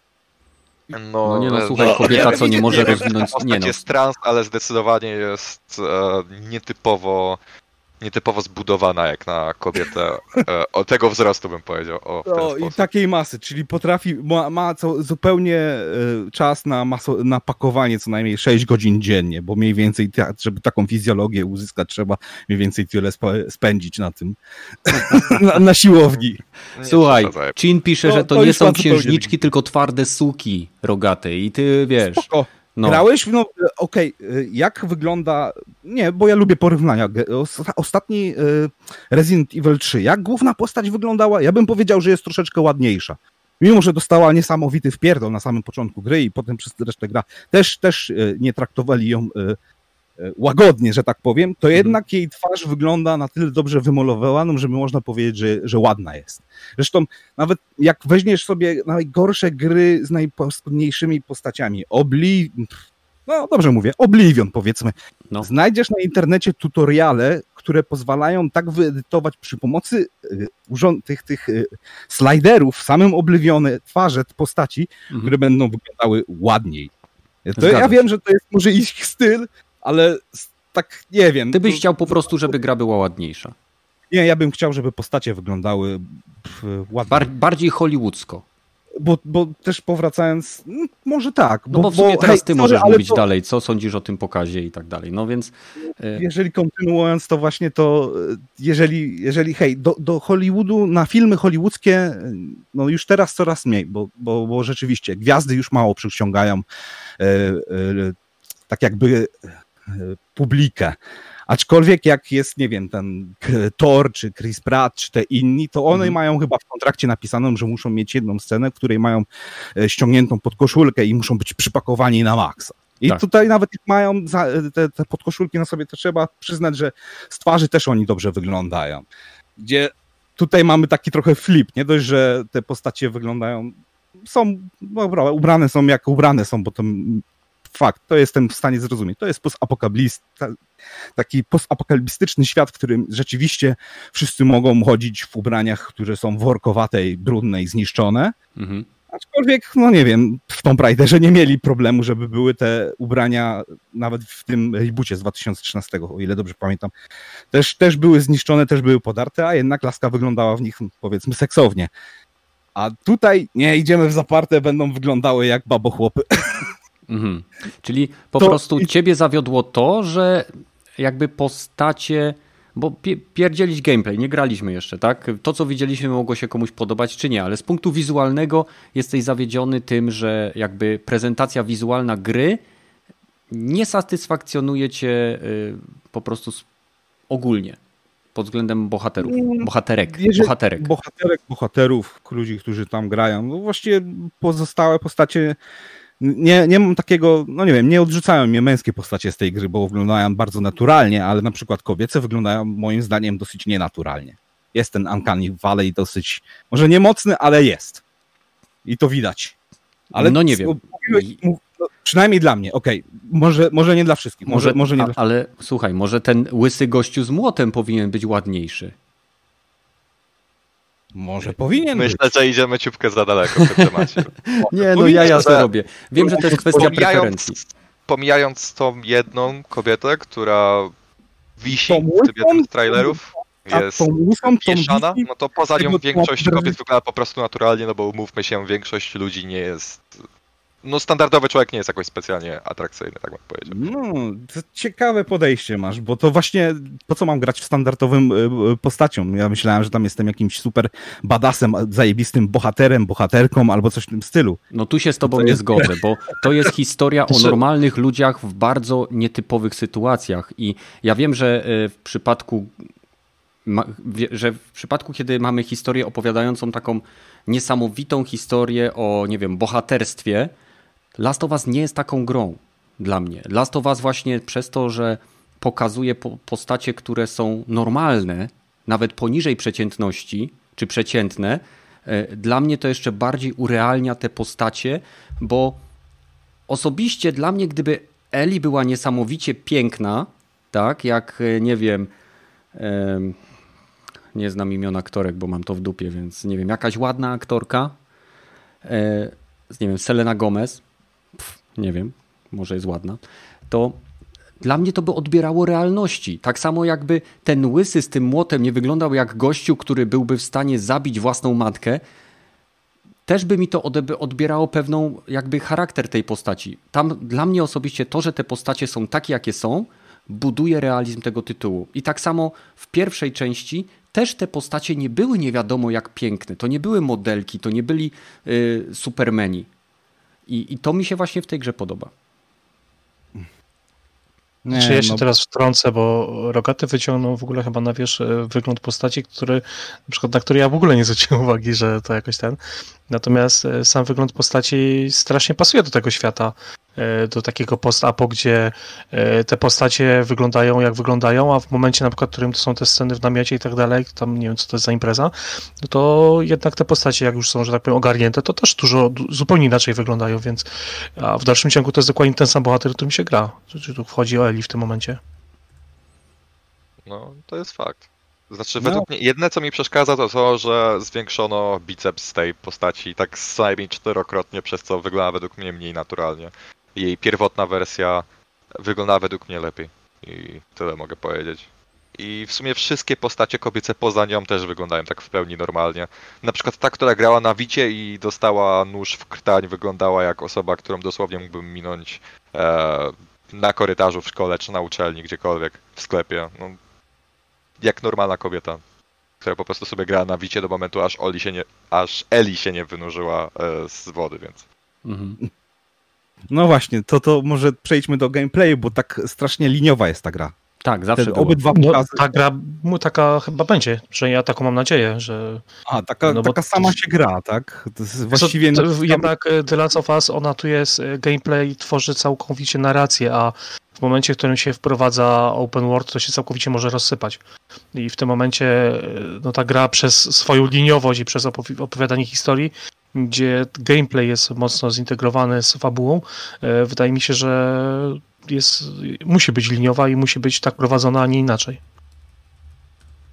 Czyli, czyli gra ma się sama grać. Taka w sumie, no nie, no bo coś dodali, rzeczywiście dodali To nie jest to, że się samo gra, no bo masz rzeczy, które w dalszym ciągu te gry, tak jak była na przykład mm. pierwsza część pisana, czy e, gry, które lata temu wychodziły, które były całkowicie liniowe, to nie jest to, że się gra sama przychodziła, tylko masz konkretną ścieżkę, po której idziesz i no, jeżeli tutaj to jest dobrze opisane w ten sposób, że nie, nie szukasz wyborów na siłę gdzieś tam e, w inną stronę, no to, to nie masz żadnego problemu, że to jest liniowa gra.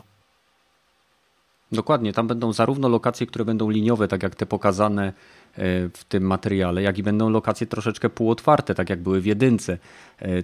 E, pamiętajcie, że to jest Naughty Dog i oni teraz wykorzystają sobie te doświadczenia, które zdobyli w Uncharted 4. Niektórzy mówią, że gra wygląda troszeczkę jak Reskin 4 ze względu na możliwość bujania się, skakania, wspinania. E, I Lost Legacy, gdzie były takie sekwencje, gdzie się wyjeżdżało na otwarty obszar i można było pewne rzeczy w pewnej kolejności wykonać, ale Y, ja osobiście byłbym przerażony, gdyby oni zrobili z tego grę z otwartym światem, ponieważ Ale uważam, jakby zrobili że... z tego Immersive Sima, bo oni tam dosyć dużo, dużo mówili o jak, jak, jaki to jest imers, ten taki świat, który cię wciąga, jaka tak. rozgrywka jest imersyjna. A tutaj, okej, okay, tak, tak jak się wychodzi z wody, tak jak kamera pokazuje, tak jest tylko jedno przejście, tak potem jest tylko jedno wejście, potem tak. podnosimy jedną ustawioną broń, która tam leży i idziemy po sznureczku. Każ, każda, tak, nie mówię, że tak jest dokładnie, ale tak mhm. to wygląda w tej chwili. Ale że tak po sznureczku, samo... właściwie twój wybór to jest taka iluzja, którą można y, tak jak w poprzedniej części, zbić w, y, w dwie sekundy. Odwrócisz się w lewo, ok, tam jest ściana. Tak, nie możesz ale tam słuchaj, pójść, tak bo... samo działał Metal Gear Solid 2, tak samo działał Metal Gear Solid 3. To są no, ale gry, tam mieliśmy są... możliwość, w Metal Solidu mieliśmy całkowicie możliwość skradania się i nie, za, nie zabijania wszystkich, tu, nie? No ale tutaj, tutaj też masz możliwość skradania się ale trzeba zarżnąć wszystkich jak leci. Nie trzeba, nie, tego nie wiesz. Ale w cutscenkach już jest absolutnie, nie, odbierają ci możliwość chyba niezabijania. No, Bo cutscenki pod... są, y, cutscenki opowiadają fabułę. To jest gra, która ma wątek fabularny jak film. Tak? Czyli w Więc... jak już postać będzie może, mogła mordo, może mordować, bo tak jest y, ten scenariusz. Ty już Dokładnie nie masz tak samo jest w Tomb Raiderze, na przykład ostatnim też nie masz decyzji odnośnie tego, co Lara Croft robi w momencie, kiedy dochodzisz do sekwencji filmowej w danej scenie. Gdyby, na, jak na przykład jest sytuacja, kiedy ona w y, Shadow of Tomb Raider y, wyjmuje sztylet i doprowadza do katastrofy, która zmiata z powierzchni całą wioskę i zabija setki, tysiące ludzi i na jej oczach ginie dziecko, ty nie masz na to wpływu. Nie masz wpływu na to, że ona, y, mimo że jej przyjaciel krzyczy, że powinni zostać i pomagać tym ludziom, ona mówi, że, y, że ona, ona to jest temu winna i ona teraz musi lecieć i to powstrzymać. Nie masz żadnego wpływu. Mimo, że Tomb Raider ten ostatni miał o wiele więcej otwartych przestrzeni niż na przykład The Last of Us. Jeżeli masz no, historię, która jest narracyjna, filmowa, to oczywiste jest, że graczowi będą odbierane pewne elementy wyboru, ponieważ jest to fabuła, którą ktoś chce opowiedzieć w określony sposób. I jeżeli ktoś nie lubi tego typu rzeczy, to nie spodobają mu się takie gry jak Metal Gear Solid, gdzie fabuła ma określony początek, środek, koniec i zakończenie. Nie spodobają mu się takie gry jak The Last of Us, gdzie na samym końcu gracz jest praktycznie zupełnie pozbawiony wyboru. Nie spodoba mu się Tomb Raider, który ma też tylko jedno zakończenie. Wszystko zależy od tego, jak bardzo jesteś w stanie y, poświęcić swoją chęć eksploracji i y, zwiedzania świata na rzecz fantastycznej fabuły, która może ci się spodobać lub nie. To, to są tego typu gry. Ja absolutnie w tym momencie po takiej masie open worldów ja czekam na gry właśnie takie liniowe i one są tak dobre, takie gry, które można przejść, które mają konkretne zakończenie, konkretną linię fabularną, że no żałuję, że jest tak mało takich gier w tym momencie. No, dla mnie narzekanie, że The Last of Us jest liniowe, jest jak narzekanie, że Mario może chodzić tylko w prawo, więc. No, no dobra. integralna część rozgrywki. O, która ostatnia gra Mario była? A, Mario Odyssey, tak? Tam tylko w prawo można było iść. To jest Mamy... akurat gra 3D, ok? Mówimy o dobra, mamy Marianach 2000... typowych platformówkach. Dobra, Ale no, nadal masz Mario, Mario Creator, Mario gdzie masz tylko w prawo Mario, tak?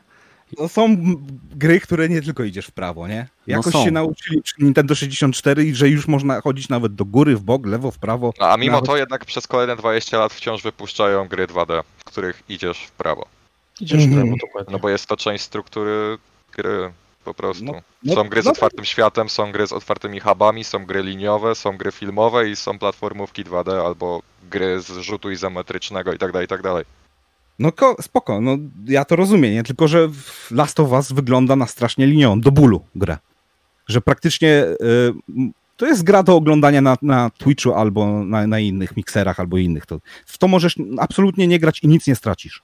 A tu się nie zgodzę, bo tracisz nie. Y, relacje z, z postaciami, traci, tracisz y, y, Większość jest w cutscenkach, więc nie ma to zupełnie znaczenia, jaka to jest relacja. Oczywiście, że ma znaczenie. Jeżeli grałeś w gry, które poruszyły cię emocjonalnie, to doskonale wiesz, że gdybyś oglądał tą grę na Twitchu, nie, nie miałbyś zbudowanej relacji z postacią, tutaj którą sterowałeś. Nie potwierdza, nie potwierdza twojego argumentu, bo tutaj nie masz praktycznie żadnego wyboru w tym gameplayu.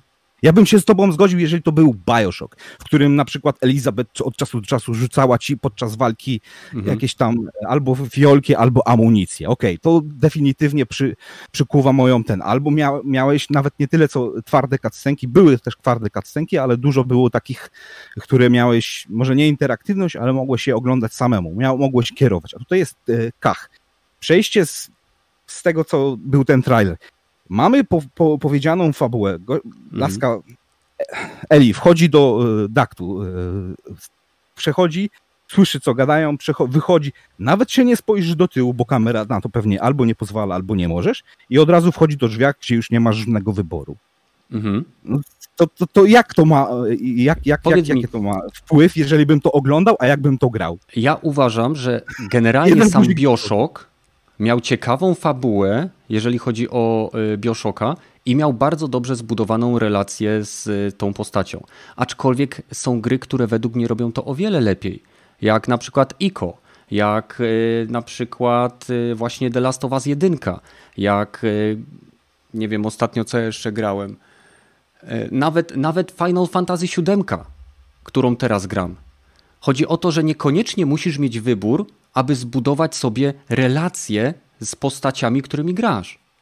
To, to wybór nie buduje tej relacji. Chodzi o pewnego rodzaju e, umie, mo, możliwość czy umiejętność pewnej identyfikacji czy odniesienia się do sytuacji, w której jest bohater, nie tylko przez oglądanie sytuacji, w jakich on się znajduje, ale także przez granie i sterowanie nim w momencie, kiedy przechodzisz z sytuacji A do sytuacji B, żeby oglądać ewolucję tych właśnie postaci. To, że na przykład masz y, grę taką jak Red Dead... Poczekaj, poczekaj. Masz, masz grę taką jak Red Dead Redemption, gdzie teoretycznie masz masę wyborów dookoła. Tak? Jest masa różnych rzeczy, które możesz robić, które nie są związane z wątkiem fabularnym. Aczkolwiek, jeżeli chodzi o wątek fabularny, two, ilość Twoich wyborów wpływających na zakończenie samej gry i sposób, w jaki zostanie poprowadzona fabuła, jest niezwykle ograniczony. Co nie zmienia faktu, że nadal jest to gra, przy której przez ostatnie, ostatnie 45 minut do półtorej godziny ryczałem grając w nią i doświadczając ostatnich godzin, które, tak, które Rockstar mi za, za, zapewnił. Dlatego, że przez gameplay zbudowałem relacje z Arturem, z postaciami, z, które tam, y, z którymi on wchodził w interakcję. I to, to nie miało znaczenia, ponieważ i tak wątek był jeden. On miał dwie czy trzy wersje zakończenia, aczkolwiek to, jakie zakończenie było, nie miało żadnego wpływu na moją relację z tą postacią. No właśnie i tutaj mi się rozchodzi, że tam masz jakiś wpływ na to, możesz w to grać. A tutaj jest offen, tak wygląda ten gameplay. Może dlatego, że osoba, która to grała, była i zajebiste w to grała i wiedziała, gdzie od razu pójść. Ale to, to, to, to porównaj sobie po, no, po przecież, gameplay, no który tak, był no to jest e, e, pokazany dwa tygodnie temu z tego e, Ghost of Tsushima. Open, mm. Offen pokazali, że to jest otwarty świat, ale jak już był gameplay walki, to mogłeś mieć rozróżnienie pomiędzy wchodzeniem, pomiędzy skradaniem się, a wchodzeniem tak na pałę. A tutaj jest offen, no, whatever, co i tak nie ma znaczenia. Jak będziesz to grał, to nie ma zupełnie znaczenia. No, tu nie masz co, ale ja trochę, trochę się z tobą Rogaty nie, nie, nie jestem w stanie zgodzić, no bo podobnie przez Uncharted jest bardzo mocno liniowa fabuła, e, gdzie też e, w zasadzie nie masz wyborów, a jednak e, poza tam paroma elementami oczywiście jest, jest otwartego w czystej teorii światła, ale to są takie tylko przystanki w czasie gry, gdzie możesz sobie, wiesz, oddechu nabierasz, żeby znowu zagęścić akcję. No to tu masz to samo, ale e, sytuację, do której mówisz, że możesz sobie obejrzeć i nie grać, no to dokładnie możesz to samo zrobić z każdą grą, no. Każdą grę możesz obejrzeć, nie musisz w nią grać, no, taka jest prawda. Nie, bo jak masz dobry gameplay, masz przywiązanie do gameplayu, to jesteś przywiązany do gry. A tutaj jest absolutny brak przywiązania z mojego punktu widzenia do, do gry, bo mnie inter- fabuła tam zupełnie nie interesuje. To jest drama. Zadam głupie pytanie, czy ty grałeś pierwszą część? Grałem. Nie skończyłem.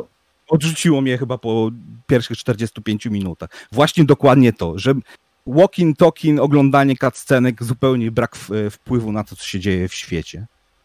Równie dobrze mógłbym to obejrzeć na, na YouTubie albo na... No dobrze, na... a jaką liniową grę fabularną ostatnio przeszedłeś? Hmm. Star Wars. Liniową... Star Warsy nie gram. E, Doom. Liniowa gra fabularna. Przywiązanie do, to jest, to jest właśnie ta duża różnica, że mój gameplay niesamowicie wprowadzał mnie w grę. No dobrze, okej, okay. no to to jest, to jest shooter FPS nastawiony na akcję. Nie, nie, nie. No nie, nie, no dobra. Ej, ale no pamiętasz jak... jakąś postać z tego Duma, proszę cię, naprawdę. Sam głos Hate jest całkiem ciekawy. Ci, ale tam nie ma... Piekła, jak, jak to się nazywają. Ale meta, Boże, no właśnie, no jak oni się nazywają? No właśnie to jest to. Ta gra wyszła w marcu i już nie wiesz jak się nazywają postacie, tak? A ludzie po siedmiu latach od wyjścia do Last of Us pewnie znają połowę scenariusza dalej na pamięć. Mogą cytować tak, dialogi. Jak się nazywa, jak się nazywa tak? główny gay? Dobra, jak się nazywa główny gay z, z Last of Us 1, skoro jesteś taki? Ja nie skończyłem do Last of Us, ja tylko mówię, że... nie potrafisz tego przywołać? No nie. No to no to Ale kto przepraszam, co ma, co ma no właśnie, główny co... gej do Last of Us 1? No, Jaki tam był główny gej? O czym ty mówisz? No właśnie. Dobra, nie grałem w grę, jest gościu, który jest ewidentnie gejem, który wysyła swoje, który poszedł, y, nie, jego kolega poszedł i tutaj nie ma, nie ma żadnych wątpliwości, jest gejem. Y, jego kolega poszedł y, poszukać ma akumulator, bo potrzebują do samochodu. Nie pamiętasz tej części w grze? Absolutnie? Po siedmiu latach taka doskonała fabuła i już nie pamiętasz tego? A nie grałem w grę, tylko oglądałem. Ja pamiętam tak... całą przygodę Eli i Joela, ich relacje, sytuację, w której byli, ich pamiętam, ich drogę. Tak. Nie muszę pamiętać absolutnie wszystkich postaci, które są, żeby docenić fabułę i relację, którą zbudowałem z główną bohaterem i postacią, którą, z którą doświadczałem przez całą grę. Nie muszę pamiętać nawet, powiem Ci, wszystkich imion ludzi, których spotkałem, ale wiem, że cała fabuła tej gry doprowadziła mnie do tego, że w momencie, kiedy skończyłem tą grę, miałem ogromny niesmak w ustach. Kiedy zorientowałem się, nie chcę spoilerować komuś, kto nie grał, nieważne. Chodzi o to, że na końcu tej gry miałem ogromne wątpliwości odnośnie sposobu, w jaki została zakończona i wcale nie dlatego, że uważam, że to było złe zakończenie, bo y, gdybym był w takiej sytuacji, prawdopodobnie zachowałbym się dokładnie tak samo. Tyle tylko, że kiedy doszło do tej sytuacji, ja czekałem, aż gra da mi wybór, czy mogę to zrobić. A prawda jest taka, że ja nie miałem wyboru, ponieważ ja nie grałem sobą, To nie jest puste, to nie jest, y, jak to się mówi, białe płótno, na który gracz przelewa swoją, swoją, swój y, wygląd. To nie jest gra, w której tworzysz sobie postać. Y, grając Geraltem, wiesz, kim jest Geralt, jaki ma charakter. Grając Joelem, wiesz, co przeszedł Joel, wiesz, jaki ma charakter. I nie zmienisz nagle zachowania tej postaci, bo ty doświadczasz historii tych postaci, interaktywnej historii fabuły, która ci jest opowiadana. I Last of Us jest jedną z najlepszych gier, jakie grałem w całym swoim życiu pod względem opowiadanej fabuły. I dla mnie to jest fabuła, kiedy nie kiedy ja mam pretekst, żeby punkt, pójść z punktu A do punktu B i przy okazji dowiedzieć się jakiegoś loru o demonie czy miejscu, do które odwiedzam, tylko fabuła to jest wtedy, kiedy ja poznaję postacie, widzę ich ewolucję, ich relacje i zmianę ich charakterów, widzę ich motywację i widzę to wszystko, co prowadzi je przez początek, rozwinięcie, y, ten węzeł kulminacyjny i zakończenie, i to mi zostaje w pamięci. To jest to, co, gry, co, co dla mnie jest grą fabularną. Dlatego cała seria Bioshock jest dla mnie fantastyczną grą fabularną. Tak? Mimo, że gameplay w niektórych częściach siedzi, absolutnie siedzi, to ja na przykład przeszedłem e, Bioshock Infinite głównie dla fabuły, ponieważ samo strzelanie było powtarzalne i nudne do bólu. Mhm. Okej, okay, zgadzam się z tobą. I tutaj tak samo powiem o gameplayu z Last of Us 2, ten co pokazali. Wygląda nudnie. Tak, Wygląda tak, aczkolwiek ciebie po prostu nie rusza ta fabuła i po prostu z tego punktu myślę, że, że to tak wynika, bo... Ale to gramy w gry, a nie w, czytamy książki czy oglądamy filmy, nie? To chyba, chyba gameplay powinien być najważniejszym punktem rozgrywki, a nie jakieś tam fabuła. Zresztą, tak jak mówiłem, to jest drama, to nie jest nic od, e, nadzwyczajnego. Ja bym ci powiedział, że absolutnie nieoryginalny jest Last of Us 2 ani jedynka. Ale jest dobrze opowiedziany.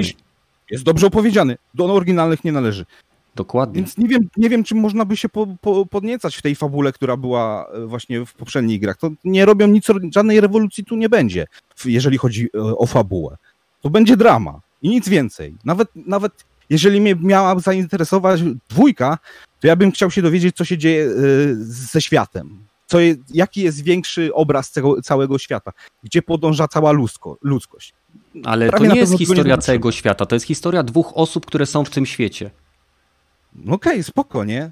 I co, absolutnie cię nie interesuje, co się dzieje na świecie, jak jest z takimi oso Ale osobami? Zrozum, że... Ale skąd jak, oni jak... mogą to wiedzieć? Skąd oni mogą Dobra, wiedzieć? Jaka jest motywacja całej tej gry, chciałbym wiedzieć. To się dowiesz, jak Bo ją zaczniesz. kup ciemno i może zobaczymy, jaka będzie ta fabuła. Ja mam tak? wrażenie, Rogaty, że ty byś chciał przed dostaniem gry wiedzieć o niej więcej, niż deweloper chce ci powiedzieć. Najlepiej to, żebyś wiedział nie tylko jaka jest motywacja, ale dokąd idą, po co, kogo spotkają, jakie mają narzędzia, którędy będą szli i najlepiej jeszcze, czy mogą się do tego w jakiś konkretny sposób przygotować. Nie, jestem w stanie połknąć gry w ciemno, jeżeli mnie przekona coś do tych gier, ale przy Last of Us 2 nie widzę że absolutnie żadnej motywacji. Znaczy... Nie, nie ma ani nie, nie ma dla mnie przynajmniej żadnej motywacji z, z, punktu widzenia gameplaya, to jest na mnie najważniejsze. I fabuła wygląda na, na bardzo przeciętną. No, Więc trudno no... mi powiedzieć e, cokolwiek na temat fabuły.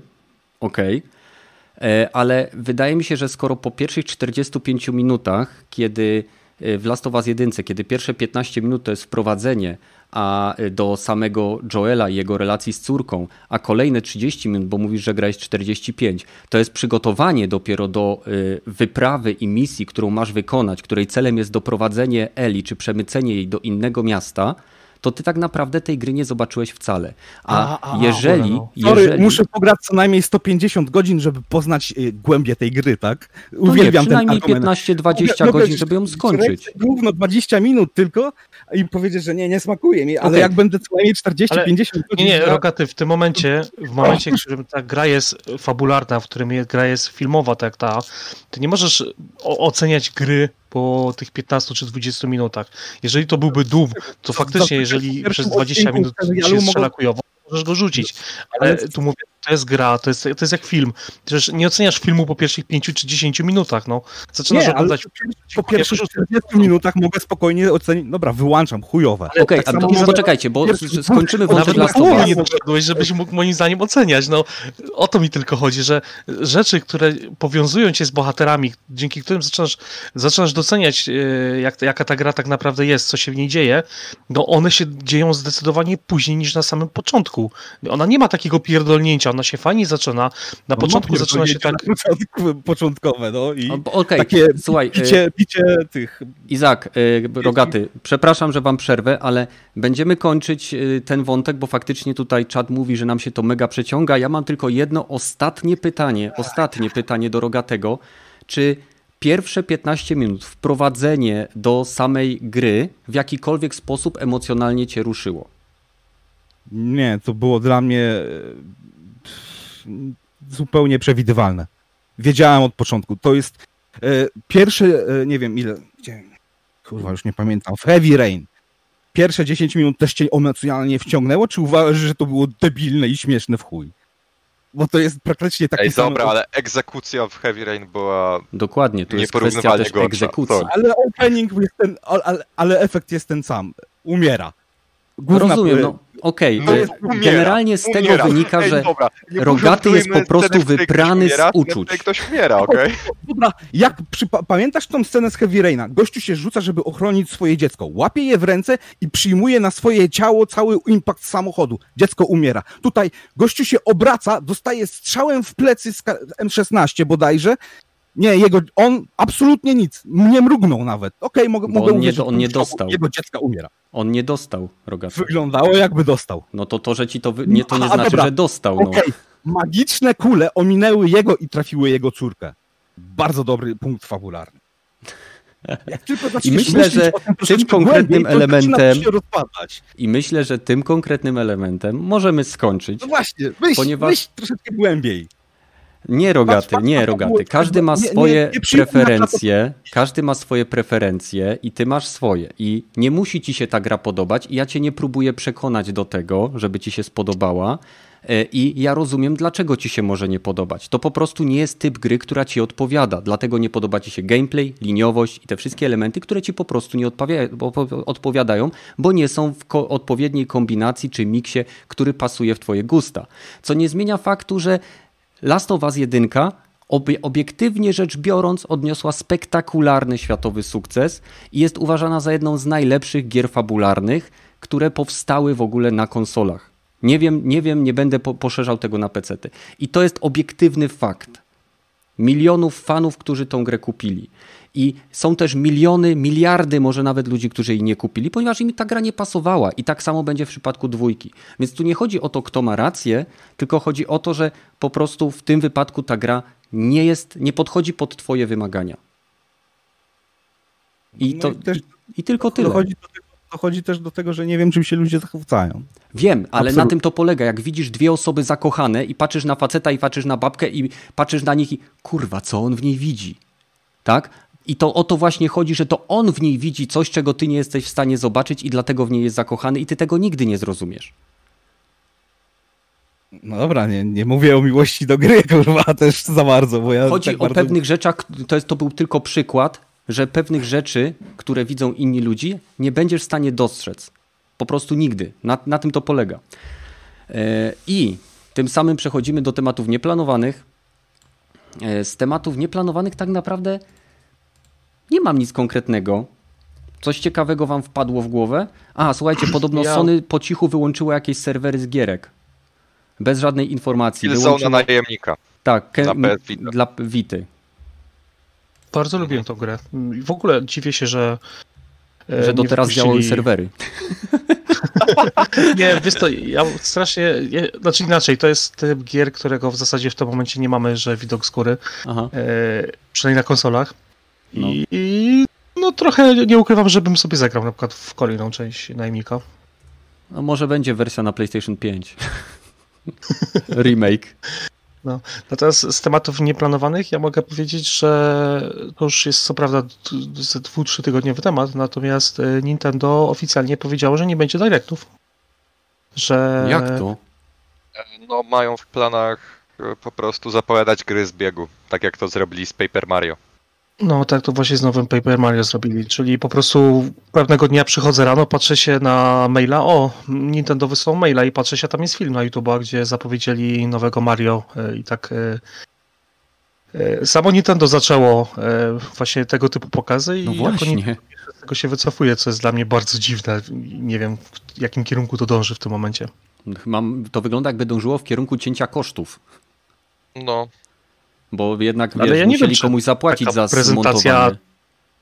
Czy taka prezentacja dla takiej firmy to są jakieś koszty generalnie duże, bo nie sądzę. No słuchaj, nikt małych pieniędzy za złożenie tego nie bierze.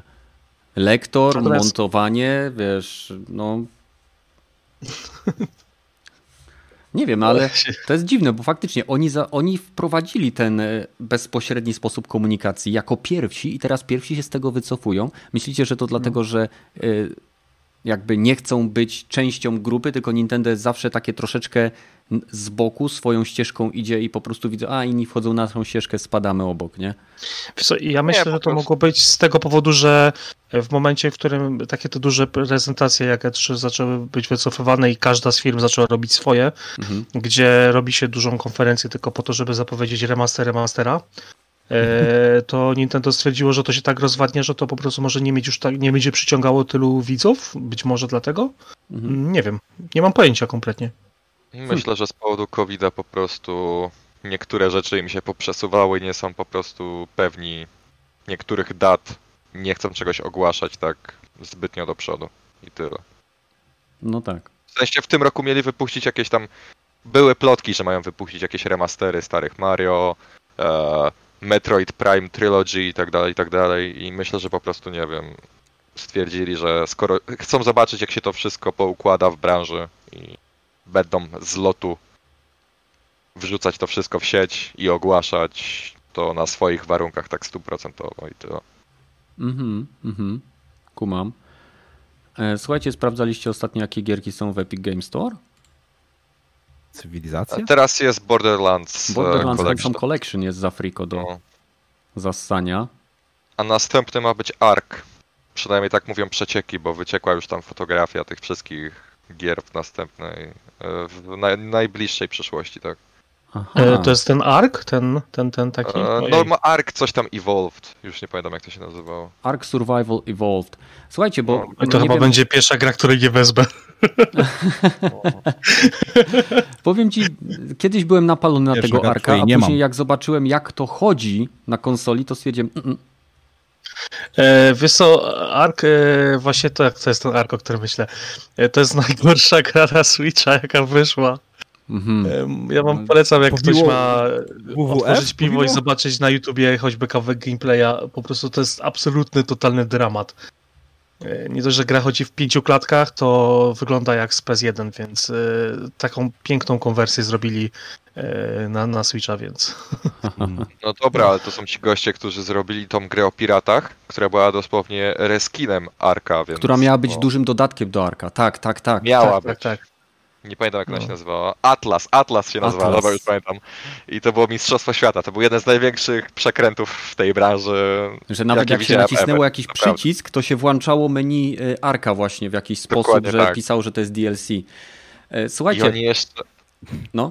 I oni jeszcze przekładali premierę, tam miała być 13 któregoś tam, później przełożyli ją o parę dni, później o jeszcze parę dni. To, to, to był taki cringe fest, że to dramat. Mhm.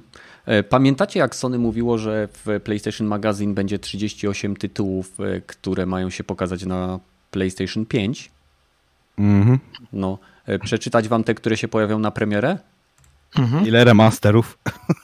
Na razie nie wiem, nie powiem ci, bo właśnie otwarłem sobie. Skąd masz tą listę? Więc jest u nas na Discordzie, na którego zapraszam wszystkich, którzy nas oglądają. Link w oczywiście w opisie, a jeżeli nie, to ktoś tu go wstawi, mam nadzieję, bo ja jak zwykle jestem nieprzygotowany. Więc mamy tam pokoik, nad, kolejna generacja konsol i tam wyrzucamy różne newsy związane z nadchodzącymi konsolami. To jest zdjęcie stron z Official PlayStation magazynu, który będzie miał swoją premierę wydawniczą na początku nadchodzącego miesiąca.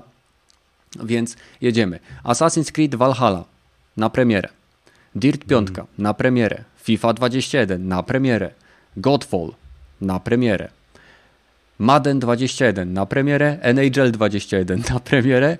E, remake od polskiego studia Blueber Observer System Redu na premierę. Outriders to jest to e, ten, ten shooter, shooter, shooter z trzeciej osoby. E, Quantum Error, gierka o kosmicznych strażakach, którzy walczą z dziwną infekcją, też na premierę.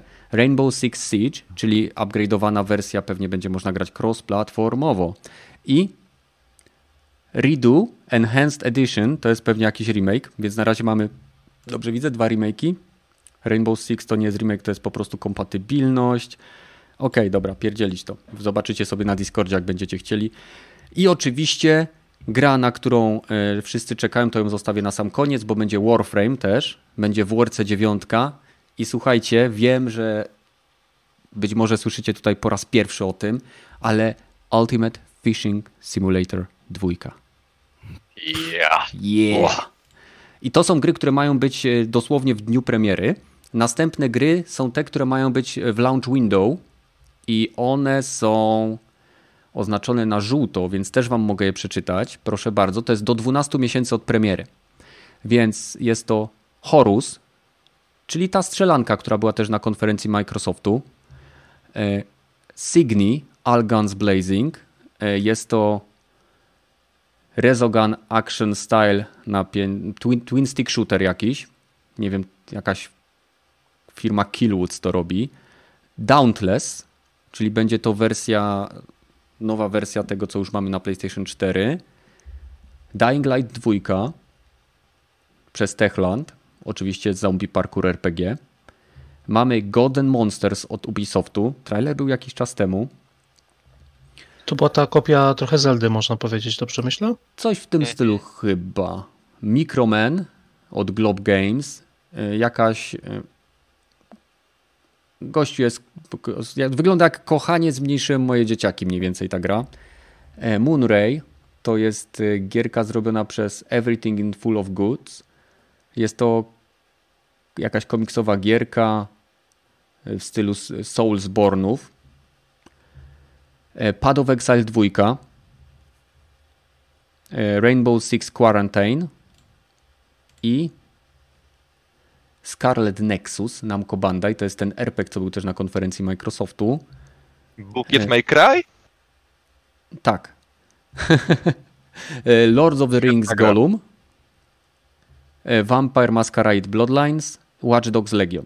To są gry, które do 12 miesięcy mają wyjść. Nie ma, Apexa nie będzie. Apexa zamykają w dniu premiery PlayStation 5. I mamy ostatnią grupę tych, które mają mieć premierę a nie, przepraszam, żółte to były 6 do 12 miesięcy. Przepraszam, przepraszam. Czerwone są 12 miesięcy, y, więcej niż 12 miesięcy od premiery. Więc lecimy. Czerwone.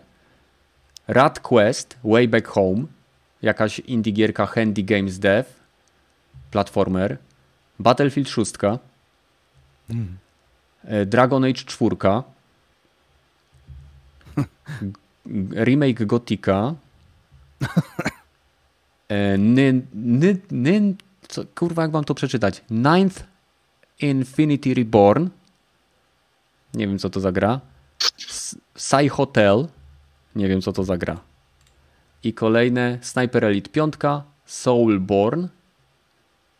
Nie wiem, co to za gierka. Starfield. O, Bethesda, Starfield. Uhuhu. Elder Scroll 6. Sims 5.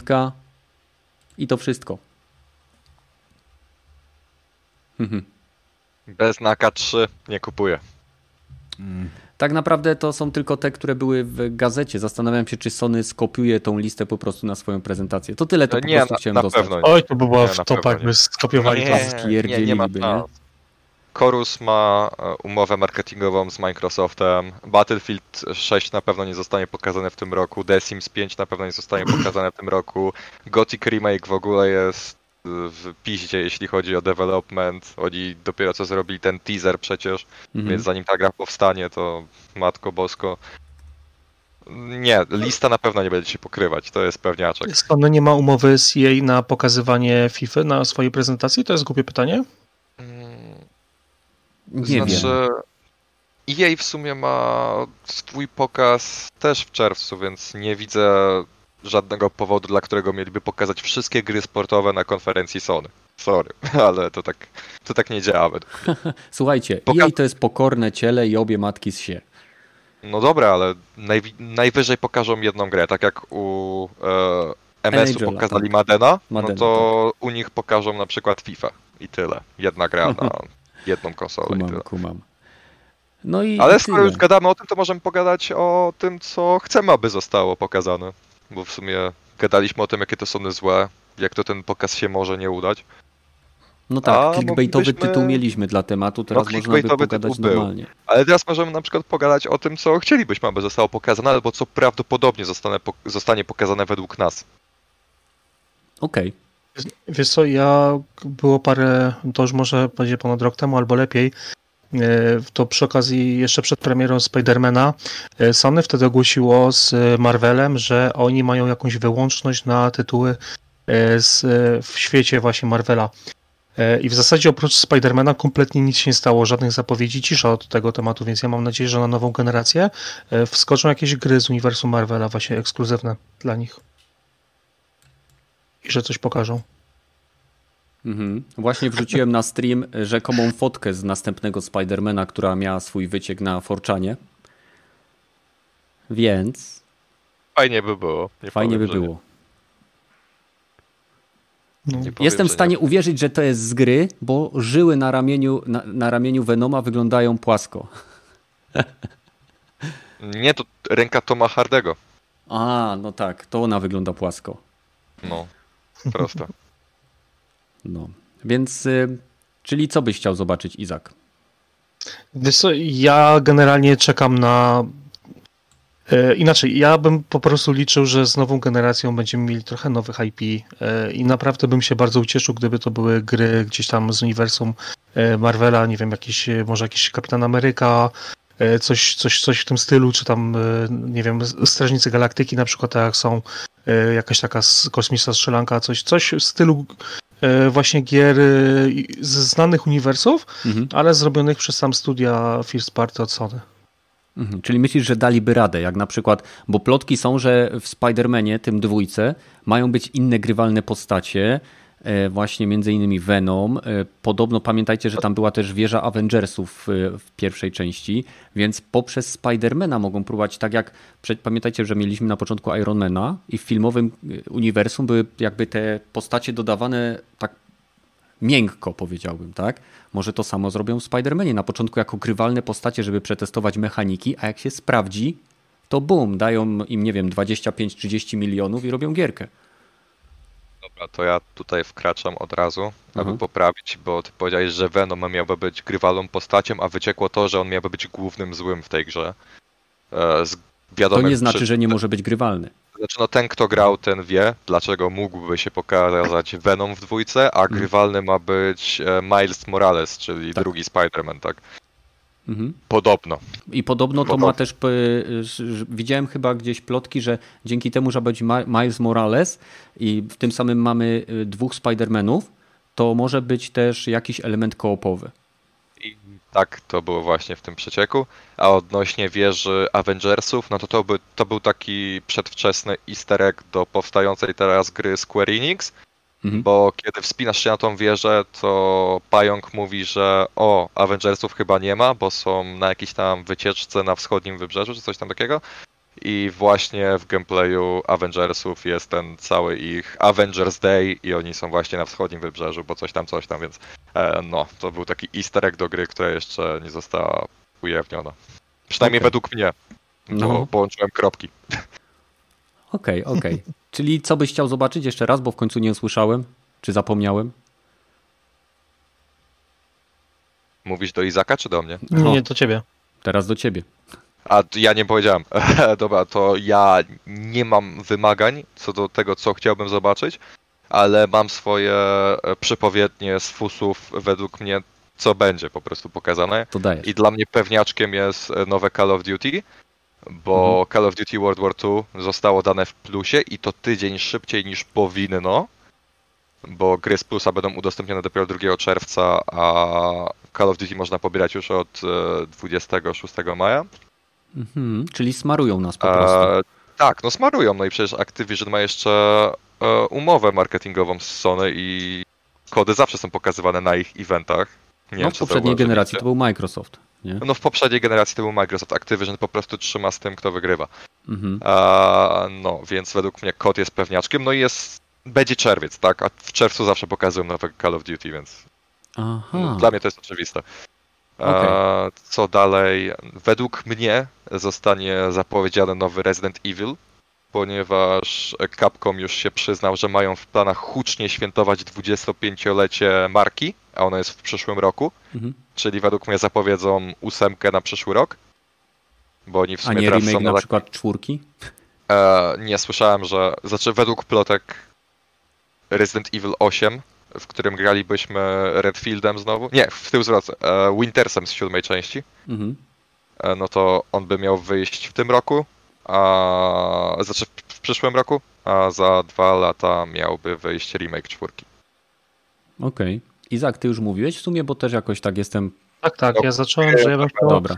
zobaczyć coś z uniwersum, ale ja mogę dołączyć jeszcze, bo to do, dawaj, nie powiedziałem, ja bym chciał jakąś nową grę wyścigową z Stani Sony zobaczyć, taką bardziej arcade'ową. Aha, czyli nie Gran Turismo 7. Gran Turismo 7 się trochę spodziewam, ale trochę arcade'owe, tak jak na przykład był Drive Club, czy, czy mm. trochę jak na PS3 y, były te, jak one się nazywały, Motorstormy, dobrze pamiętam? O, Studio odpowiedzialne zarówno za Motorstormy, jak i za Drive Cluba zostało zamknięte w 2016 roku. Więc... Tak, tak, to wiem, ale w dalszym ciągu mam nadzieję, że Sony coś, coś pokaże. No tak, ale Myślę, Sony jest nadal właścicielem marki, więc wiecie jak to jest. No, no ale nie ma kto robić te gry. A, tam nie ma. Polifony. E, więc, no tak, na pewno. Oni ale Motorstorm, co powiecie na Motorstorma nowego? Fajnie. Na tej mocy, z tymi teraflopami, z błotem. Wreszcie by to wyglądało może jak ten render, co Sony nam sprzedawało. No, znaczy Motorstorm jak najbardziej. Drive Cluba dwójki bym się nie spodziewał nigdy, bo mhm. to IP lekko wtopiło. E, więc tak, e, jak już mówiłem, e, Call of Duty e, mhm. według mnie pokażą jeszcze Residenta 8, w sensie Capcom, bo oni też w sumie mają umowę marketingową z Sony Resident Evil 2 remake został pokazany na e ostatnim E3, jakie Sony robiło, nie pamiętam w którym to było roku. Mhm. Chyba 2017, 2018, nie pamiętam. E, I co jeszcze? A, e, jakiś remake od Bluepoint. Ja nie wiem, czy to jest Demon Souls, czy Jack and Dexter, bo plotki są różne, więc można się już z lekka pomieszać Tutaj w tym wszystkim. Zaraz cię w komentarzach poprawiam, jak zawsze mnie. Jack and Daxter. Jack and Daxter, no niech będzie, Daxter. E, całe dzieciństwo zrujnowane, nieważne. Mhm. E, Jack and Daxter, ewentualnie Demon Souls Remake, nieważne. E, myślę, że Bluepoint zdążyło w ciągu dwóch lat opracować jakieś grywalne demko, aby mogli pokazać Vertical Slice'a.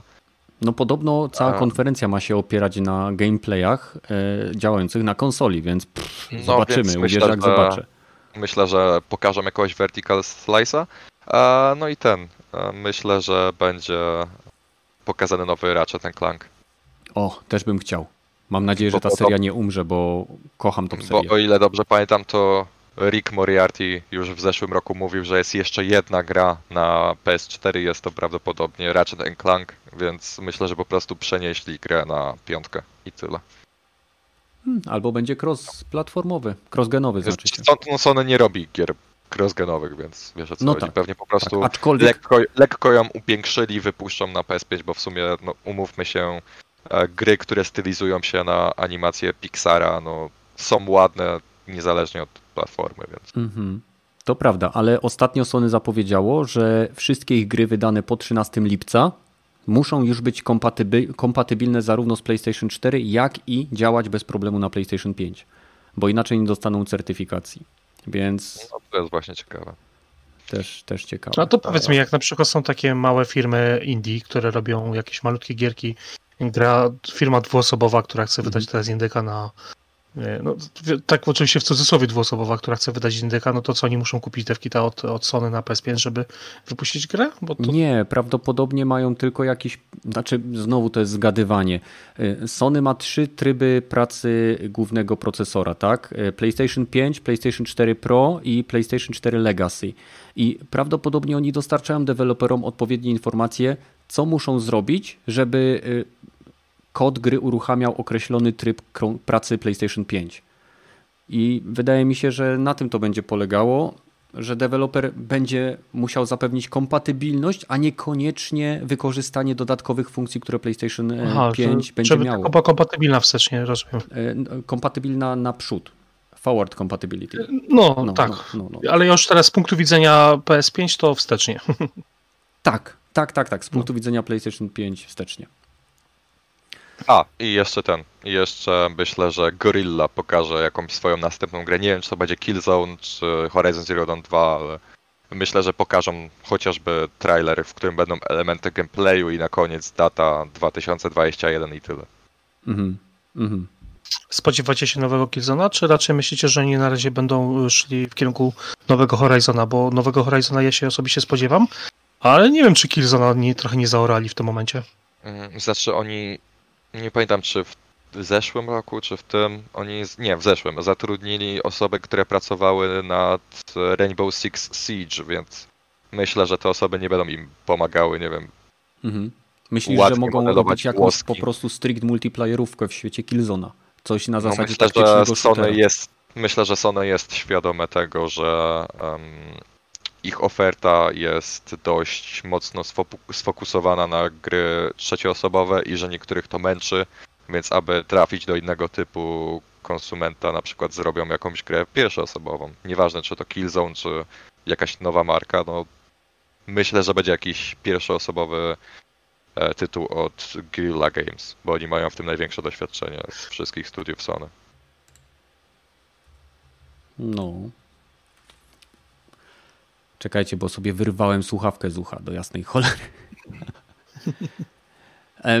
No, puściłeś Kanet w tym momencie y, ten y, prezentację tyle z was masz metala nie denerwować, tam czat pisze. Tak, także... widzę, widzę. Puściłem, żeby nie było tak y, sucho, bo nic się nie dzieje. Ja, mnie, mnie to nie denerwuje, ja to po prostu nie rozumiem, nie? Nie, nie rozumiem zachwytu, dlatego pytam was, dlaczego się tak podjaracie tym.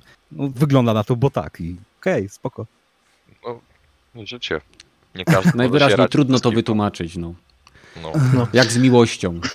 No. E, dobra, Rogaty, a ty co byś chciał zobaczyć? Wiem, że jesteś pececiarzem, wiem, że grasz na pececie. Czy są jakieś rzeczy, które chciałbyś, żeby Sony ci pokazało, żeby, żebyś pomyślał, kurczę, a może się zastanowię. Czy jest w ogóle coś takiego, co mogłoby mieć miejsce, że zastanowisz się nad zakupem konsoli? Nad zakupem konsoli nie, ale mogliby pokazać Planet Side 3. To by mnie zastanowiło. Ale to jest zewnętrzne tak... studio. Sony Computer Entertainment chyba Nie, nie. Było. Y, to się nazywa już teraz. Oni sprzedali. Sony Online Entertainment to kiedyś było. I teraz się to nazywa. Kurczę, nie pamiętam. Miałem logo takie z takim płonącym okiem. Gracz Watch? nie, nie. Moje oko nie jest płonące. Bez infekcji. A to wszystko można zmienić. Daybreak Studios się to teraz nazywa, dokładnie. O, musiało mi wrócić. I oni to sprzedali. Pozbyli się wszystkich studiów, które były, należały do Sony Online Studios i czyli EverQuesta, tych wszystkich takich rzeczy, które tam mieli, wy, sprzedali. No to, to, to pewnie te rzeczy, które co mnie interesują, to nie pokażę, bo my Sokom albo nawet ten Mac jakby, albo Sokoma coś w tym mogą stylu. pokazać, bo to jest nadal ich. Co, coś w tym stylu, z rozmachem jakąś grę taką taktyczną, taktycznego strzelaninę, to, to, mhm. to może bym się jakoś ten, albo nie wiem, ale to ogólnie od e, Amy Hemingway, ona od czterech lat nic nie zrobiła, więc mm -hmm. nie wiem, nie wiem nawet do, czy, czy robi coś, czy poszła po prostu na emeryturę i olała sprawę, bo ona dosyć dobre giery robiła. No, tak. no teoretycznie Killzone się nadaje do taktycznego shootera, bo to jest gra, która już w samym mm. swoim multiplayerze była dosyć, bo nie powiem wolna, ale te bronie miały bardzo specyficzne zachowanie, więc wiadomo, że to by było wtedy futurystyczne, nie, nie każdemu to pasuje. No ale no może, może coś w tym jest. Może próbowali albo zbudować jakiś multiplayer do Horizon Zero Dawn dwójki, albo faktycznie pracują nad jakimś shooterem online'owym, który będzie na przykład free to play dostępny. No, na pewno by Cię nie zainteresowało, gdyby wydali e, multiplayerową wersję The Last of Us, bo nad nią pracują zupełnie osobno i ja zakładam, że to będzie jeden z elementów, który będzie promował PlayStation 5, czyli będzie to gierka sieciowa, ale poza tym shooterem coś jeszcze takiego? Jakby puścili na przykład Crysisa remake? Byłbyś ciekaw, tak jakby to chodziło? Tak, byłbym ciekaw, jakby to chodziło. I tak będę to grać na PC. No, no ja wiem. Ale bądźmy szczerzy, nie będzie na, na, na, na pewno, nie będzie na, na konsoli. Czemu? Na, na bank. Znaczy Crisis Remaster? Remake. Nie, remake. Znaczy remake. Na pewno nie będzie na prezentacji Sony, o tak ci no podobno jest plotka, Będzie na że... konsoli, ale nie będzie, na, nie będzie na prezentacji. No może będzie nawet na prezentacji, ale Nie. Podobno są plotki, że mają mieć ekskluzywność względem konsolowego portu. Aha, aha, Czyli, że będzie na PC i na PlayStation, nie? To by mnie rozwaliło, bo oni tak raczej e, powerhouse'em takim technologicznym chcą i nie chcą pokazać na najbardziej, na najmocniejszej konsoli swojej gry. To by mnie naprawdę rozwaliło, zwłaszcza, że na, na Xie ma być lepszym ray tracing i lepiej by działała ta gra. No. Naprawdę by mnie rozwaliło. No ale kasa mowa, nie? Może Sony posmarowało. Może Sony posmarowało. W sumie zobacz, teoretycznie Epic mógł też pokazywać prezentację swojego silnika na silniejszej konsoli, a wybrał Sony, nie?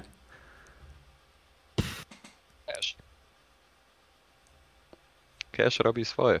Cash robi swoje, chociaż Microsoft ma go o wiele więcej niż Sony. No ale wiesz, no Sony to opłaca każde recenzje wszystkich swoich gier, aby dostawały plus dwa w ocenach, więc wiesz o co chodzi. No, no, nigdy nie usuwa nie, komentarzy nie ze stron, nigdy, nigdy, nie zamyka całych stron, albo nigdy nie, nie banuje całych e, kanałów z internetu też. Nigdy tego nie zrobili, nie? Zgadzasz się? Jaka hiperbola. W każdym razie zobaczymy. No, y, rozumiem, że jakby poza tym taktycznym shooterem, który mógłby się tam pojawić, y, nie masz nic takiego, czego nie wiem, co byś na przykład się ucieszył, jakby z PC ta wylądowało na konsoli, żebyśmy my, biedni wieśniacy, mogli sobie zagrać? No oczywiście, żebym się ucieszył. Grajcie w dobre gry. Nie mam... Pamiętasz, bo ty chyba nawet dałeś tego linka na Discordzie e, o tej grze takiej FPE oldschoolowej e, na W. Jak ona się nazywała? Hmm. Nie Warhot, nie Wallsface, kuźwa, Warlock chyba. Warlock, Project no. Warlock. No. Widziałeś, jakie tłumy ludzi, tweetów i ile artykułów było oburzonych pecetowców, którzy nie podoba się, że tracimy ekskluzywa pecetowego? Bo ja nie. Ja nie no, kurwa. Te a, tysiące a, a artykułów. Są? Albo jak, jak straci, bo chyba też e, ta, ta, e, ta, ta e, nie Relict, tylko 3D Relay, relay Ion Fury bodajże no, no, no. też chyba na konsolę trafia. Nie no, kuźwa. Nawet na Switch Ion Fury będzie. Stary, już jest na, najbardziej upvoitowany na Reddicie ten, że tracimy z PC-ta e, ekskluzywa, tak? Był, był jakiś temat, tak? Znaczy ja generalnie bardzo pamiętam, jak PC-ciarze się ślinili i, i toczyli pianę, jak Epic wykupywał ekskluzywy ze Steama, więc myślę, że to jest kwestia, że PC-ciarze y, walczą między sobą odnośnie swoich platform, a konsolowcy no. ze swoimi. No, no może i tak, tylko że pamiętasz, która ta, która jest z tych, z tych słynnych gier y, y, ekskluzywnych, może oprócz Control, która trafiła na Epika tylko i wyłącznie w tej chwili i okej, okay, jest to gra must have, bo, bo ja sobie nie przypominam ani jednej. Bo mhm. Borderlands można spokojnie skipnąć. Metro Exodus. Też Metro, Metro Exodus. No, ale to jest twoja opinia, okej. Okay. To no, jest twoja opinia. Jest to, to jest, wiesz, no. I na przykład gdybym ja był pecetowcem, to ja bym zbytnio się nie przejął kontrol, bo no, ta gra mnie zbytnio nie ziębi po dłuższym czasie, szczerze. Właśnie, bo miałem jeszcze powiedzieć... Nie grzeje, nie ziębi. Takie, o wiele chętniej, e... gdybym był pecetowcem, zagrałbym w Metro, bo to wygląda dla mnie pięć razy ciekawiej i pięć razy lepiej. E, ten to ja wam powiem, że gram w Control teraz na PC mhm. i no takiej gry jeszcze jak tak zgliczowanej, zepsutej gry dawno nie miałem. W A każdym myślisz, momencie, gdzie. Na konfiguracji prostu... twojej, czy po prostu, bo nie, nie słyszałem, żeby na PC były jakieś kłopoty z kontrolem. Yy, tam na innym Discordzie kolega ma to samo, natomiast ja to mam w dużo większej, że tak powiem, opcji. Yy, tekstury mi się wczytują w koszmarnie niskiej rozdzielczości. Mhm. Podchodzę na przykład do napisu, bo tam jest bardzo dużo tabliczek, które trzeba czytać, żeby przemieszczać się po budynku mhm. E, i mam po prostu 4 piksele na przykład, e, mimo że mam na przykład rozdzielczość 4K i tak dalej. Wystarczy, że wejdę do menu, wejdę i na przykład mi się ładują tekstury w normalnej rozdzielczości. A masz e, SSD to wszystko, czy... Z, z... Mam to na dysku SSD zainstalowane i po prostu mhm. jest, no, jest dramat. I no, już kombinowałem tam z, z, ustawieniami, czytałem i no, jest parę osób, które ma właśnie ten problem. Odyn pisze, że u niego kontrol działa w porządku. No u mnie też działał no. zajebiście zaraz po premierze, nie miałem żadnego I... A natomiast z wspaniałym Metro miałem gigantyczne problemy. To było jedna z najgorzej zoptymalizowanych gier, to raz. Drugie, jeden z najgorszych systemów e, e, rozgrywki tam był, o ile dobrze pamiętam, to dwa, ale kwestia tak, mimo tego, że u mnie gra potrafi tam, e, nawet nie, nie wyciąga mi z karty graficznej jakieś dużo, bo ja mam 2060, więc jak tam patrzę czasami na te słupki wydajności sobie je włączę, no to mi tak ciągnie tam te 80%, czasami e, czy tam ten, więc nie, nie, nie obciąża jakoś nadmiernie, natomiast absolutnie jestem po prostu zdziwiony ilością właśnie gliczy i ilością problemów, jakie to ma i to mnie strasznie odpycha od tego, że po prostu wejdę do gry i co chwilę muszę wciskać menu i wyjść i, i okej, okay, działa i za chwilę mam to samo, bo nie mogę przeczytać nic, bo, bo tekstury są mhm. jakby były z, z daleka widoczne, więc... Kumam. No nic, no. Więc y, ja osobiście bardzo się, na przykład cieszę, że taki ekskluzyw jak Horizon Zero Dawn trafia na y, PC-ty, bo będą sobie mogli gracze zagrać w tytuł, który uważam za dobry, tak? Y, więc dla mnie naprawdę ja lubię ekskluzywy, tak? Bo to jest, to, to jest powód, dla którego kupuję określoną platformę, tak? Bo gdyby nie było ekskluzywów, to nie miałoby dla mnie znaczenia, jaką konsolę kupuję. A sytuacja wygląda tak, że kupuję gry tak naprawdę, a konsole są tylko narzędziem, na których je odpalam, więc gdyby te wszystkie gry takie jak God of War, gdyby takie gry jak właśnie Horizon, jak e, na początku Death Stranding, czy te inne niesamowite tu, jak na przykład The Last of Us 1 były od razu dostępne na wszystkie platformy, to prawdopodobnie nie byłbym graczem konsolowym głównie, tylko by miałbym peceta, na którym bym to odpalał w, pewnie za gruby hajs w masakrycznie wysokich klatkach i jakościach. No bo tak to wygląda, że na pececie zawsze to będzie teoretycznie wyglądało najlepiej. I e, niech Sony wydaje te ekskluzywy. Jeżeli to, to będzie miało na taki, w taki sposób jak teraz, że 3 lata po premierze to trafi na inną platformę, czyli tak naprawdę już przyciągnęło klientów do platformy, sprzedało się na tej platformie, niech tak będzie. Dla mnie subcio.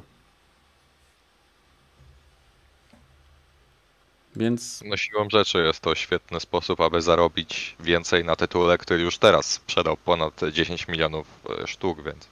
No dokładnie. I tak naprawdę e, no, promujesz dalej swoją platformę, bo jeżeli załóżmy się sprzeda Horizon na PC i ludziom się spodoba i będą wiedzieli, że na przykład najwcześniej za 3 lata teoretycznie, według obecnej sytuacji, tak, czyli 3 lata muszą czekać, żeby to zagrać, to ktoś może powiedzieć, a kurczę, konsola nie jest taka droga, nie wiem, 400, 400 dolarów, 500 dolarów, czy ileś tam, może sobie kupić, nie? A co chciałbym ja zobaczyć właśnie, bo w sumie już wszyscy powiedzieli z wyjątkiem mniej, myślę, że będziemy powoli kończyć, bo już dwie godziny nadajemy ponad. E, ja chciałbym zobaczyć e, jakieś ekskluzywy, które w jakiś sposób zaprezentują to, o czym tak monotonnie i nudnie mówił Mark Cerny. Czyli chciałbym zobaczyć gry, które, czy gameplaye, z, które będą się szybko wczytywały, które będą miały niesamowitą ilość detali związaną z możliwością transferu tych wszystkich asetów dzięki temu kosmicznie magicznemu dyskowi i tych wszystkich innych rzeczy, które e, uzasadnią to wszystko, co mówi Sony względem i jednocześnie odróżnią ich względem, w tym względzie od Microsoftu, tak? żeby pokazali, że to jest taka gra i ona jest możliwa na tej konsoli, dlatego że została z nią, pod nią zoptymalizowana. To nie znaczy, że nie będzie działać na innych platformach, bo to jest kwestia odpowiedniej modyfikacji samej gry. Zawsze tak to działa, ale chciałbym właśnie coś takiego zobaczyć. Coś takiego, że popatrzę, ok, to jest coś, dla którego naprawdę rozważam zakup tej konsoli, tak? I to by było dla mnie sukcesem, jeżeli chodzi o pokaz. Jeżeli macie coś do dodania lub jakieś pytania, słuchajcie na czacie, to piszcie. Jeżeli nie, to będziemy powoli kończyć. Nikt nic? Nikt nic. Nikt nic, okej. Okay. E, więc bardzo dziękuję wszystkim, którzy wytrzymali z nami te dwie godziny. Pamiętajcie, że możecie do nas dołączyć na Discordzie jest tam wiele innych osób, które tworzą bardzo ciekawe materiały, mają swoje strony internetowe, mają swoje kanały, e, mają swoje po prostu pomysły na zakręcony sposób tworzenia różnych rzeczy związanych z gamingiem i nie tylko. Jeżeli tam dołączycie, wydaje mi się, że nie pożałujecie. A jak pożałujecie, to po prostu odejdziecie z serwera. Link będzie w, pod tym materiałem. Słuchajcie nas też na platformach e, podcastowych Spotify, iTunes. Tam będziecie mogli znaleźć ten materiał po jakimś czasie, żeby sobie przesłuchać offline. No a z naszej strony to już wszystko. Widzimy się czwartego o 22 również tutaj. Jeżeli jakieś inne materiały się pojawią, to zobaczymy. Ale na pewno o 22 będziemy sobie tutaj oglądać, reagować i komentować reveal gameplayowy, prawdopodobnie związany z PlayStation 5. Z mojej strony to już wszystko. E, bardzo dziękuję wszystkim, którzy się zebrali. E, Badel, miałeś z nami tutaj być, pierdoło. Nie wiem, co ty tam robisz, skoro masz czas na komentowanie, a nie macie tutaj. E, więc e, dzięki Okal, że też jesteś. I dzięki teraz chłopakom, którzy się tu zebrali, czyli Izakowi, Kiwaku i Rogatemu. No i zaczynamy kolejny tydzień, żebyśmy się nie zajechali. Trzymajcie się, dziękujemy, żegnamy się i, i wyłączamy to wszystko, panowie. Żegnacie się. No, trzymajcie się, do usłyszenia. Young out. O, właśnie. I o to chodziło, więc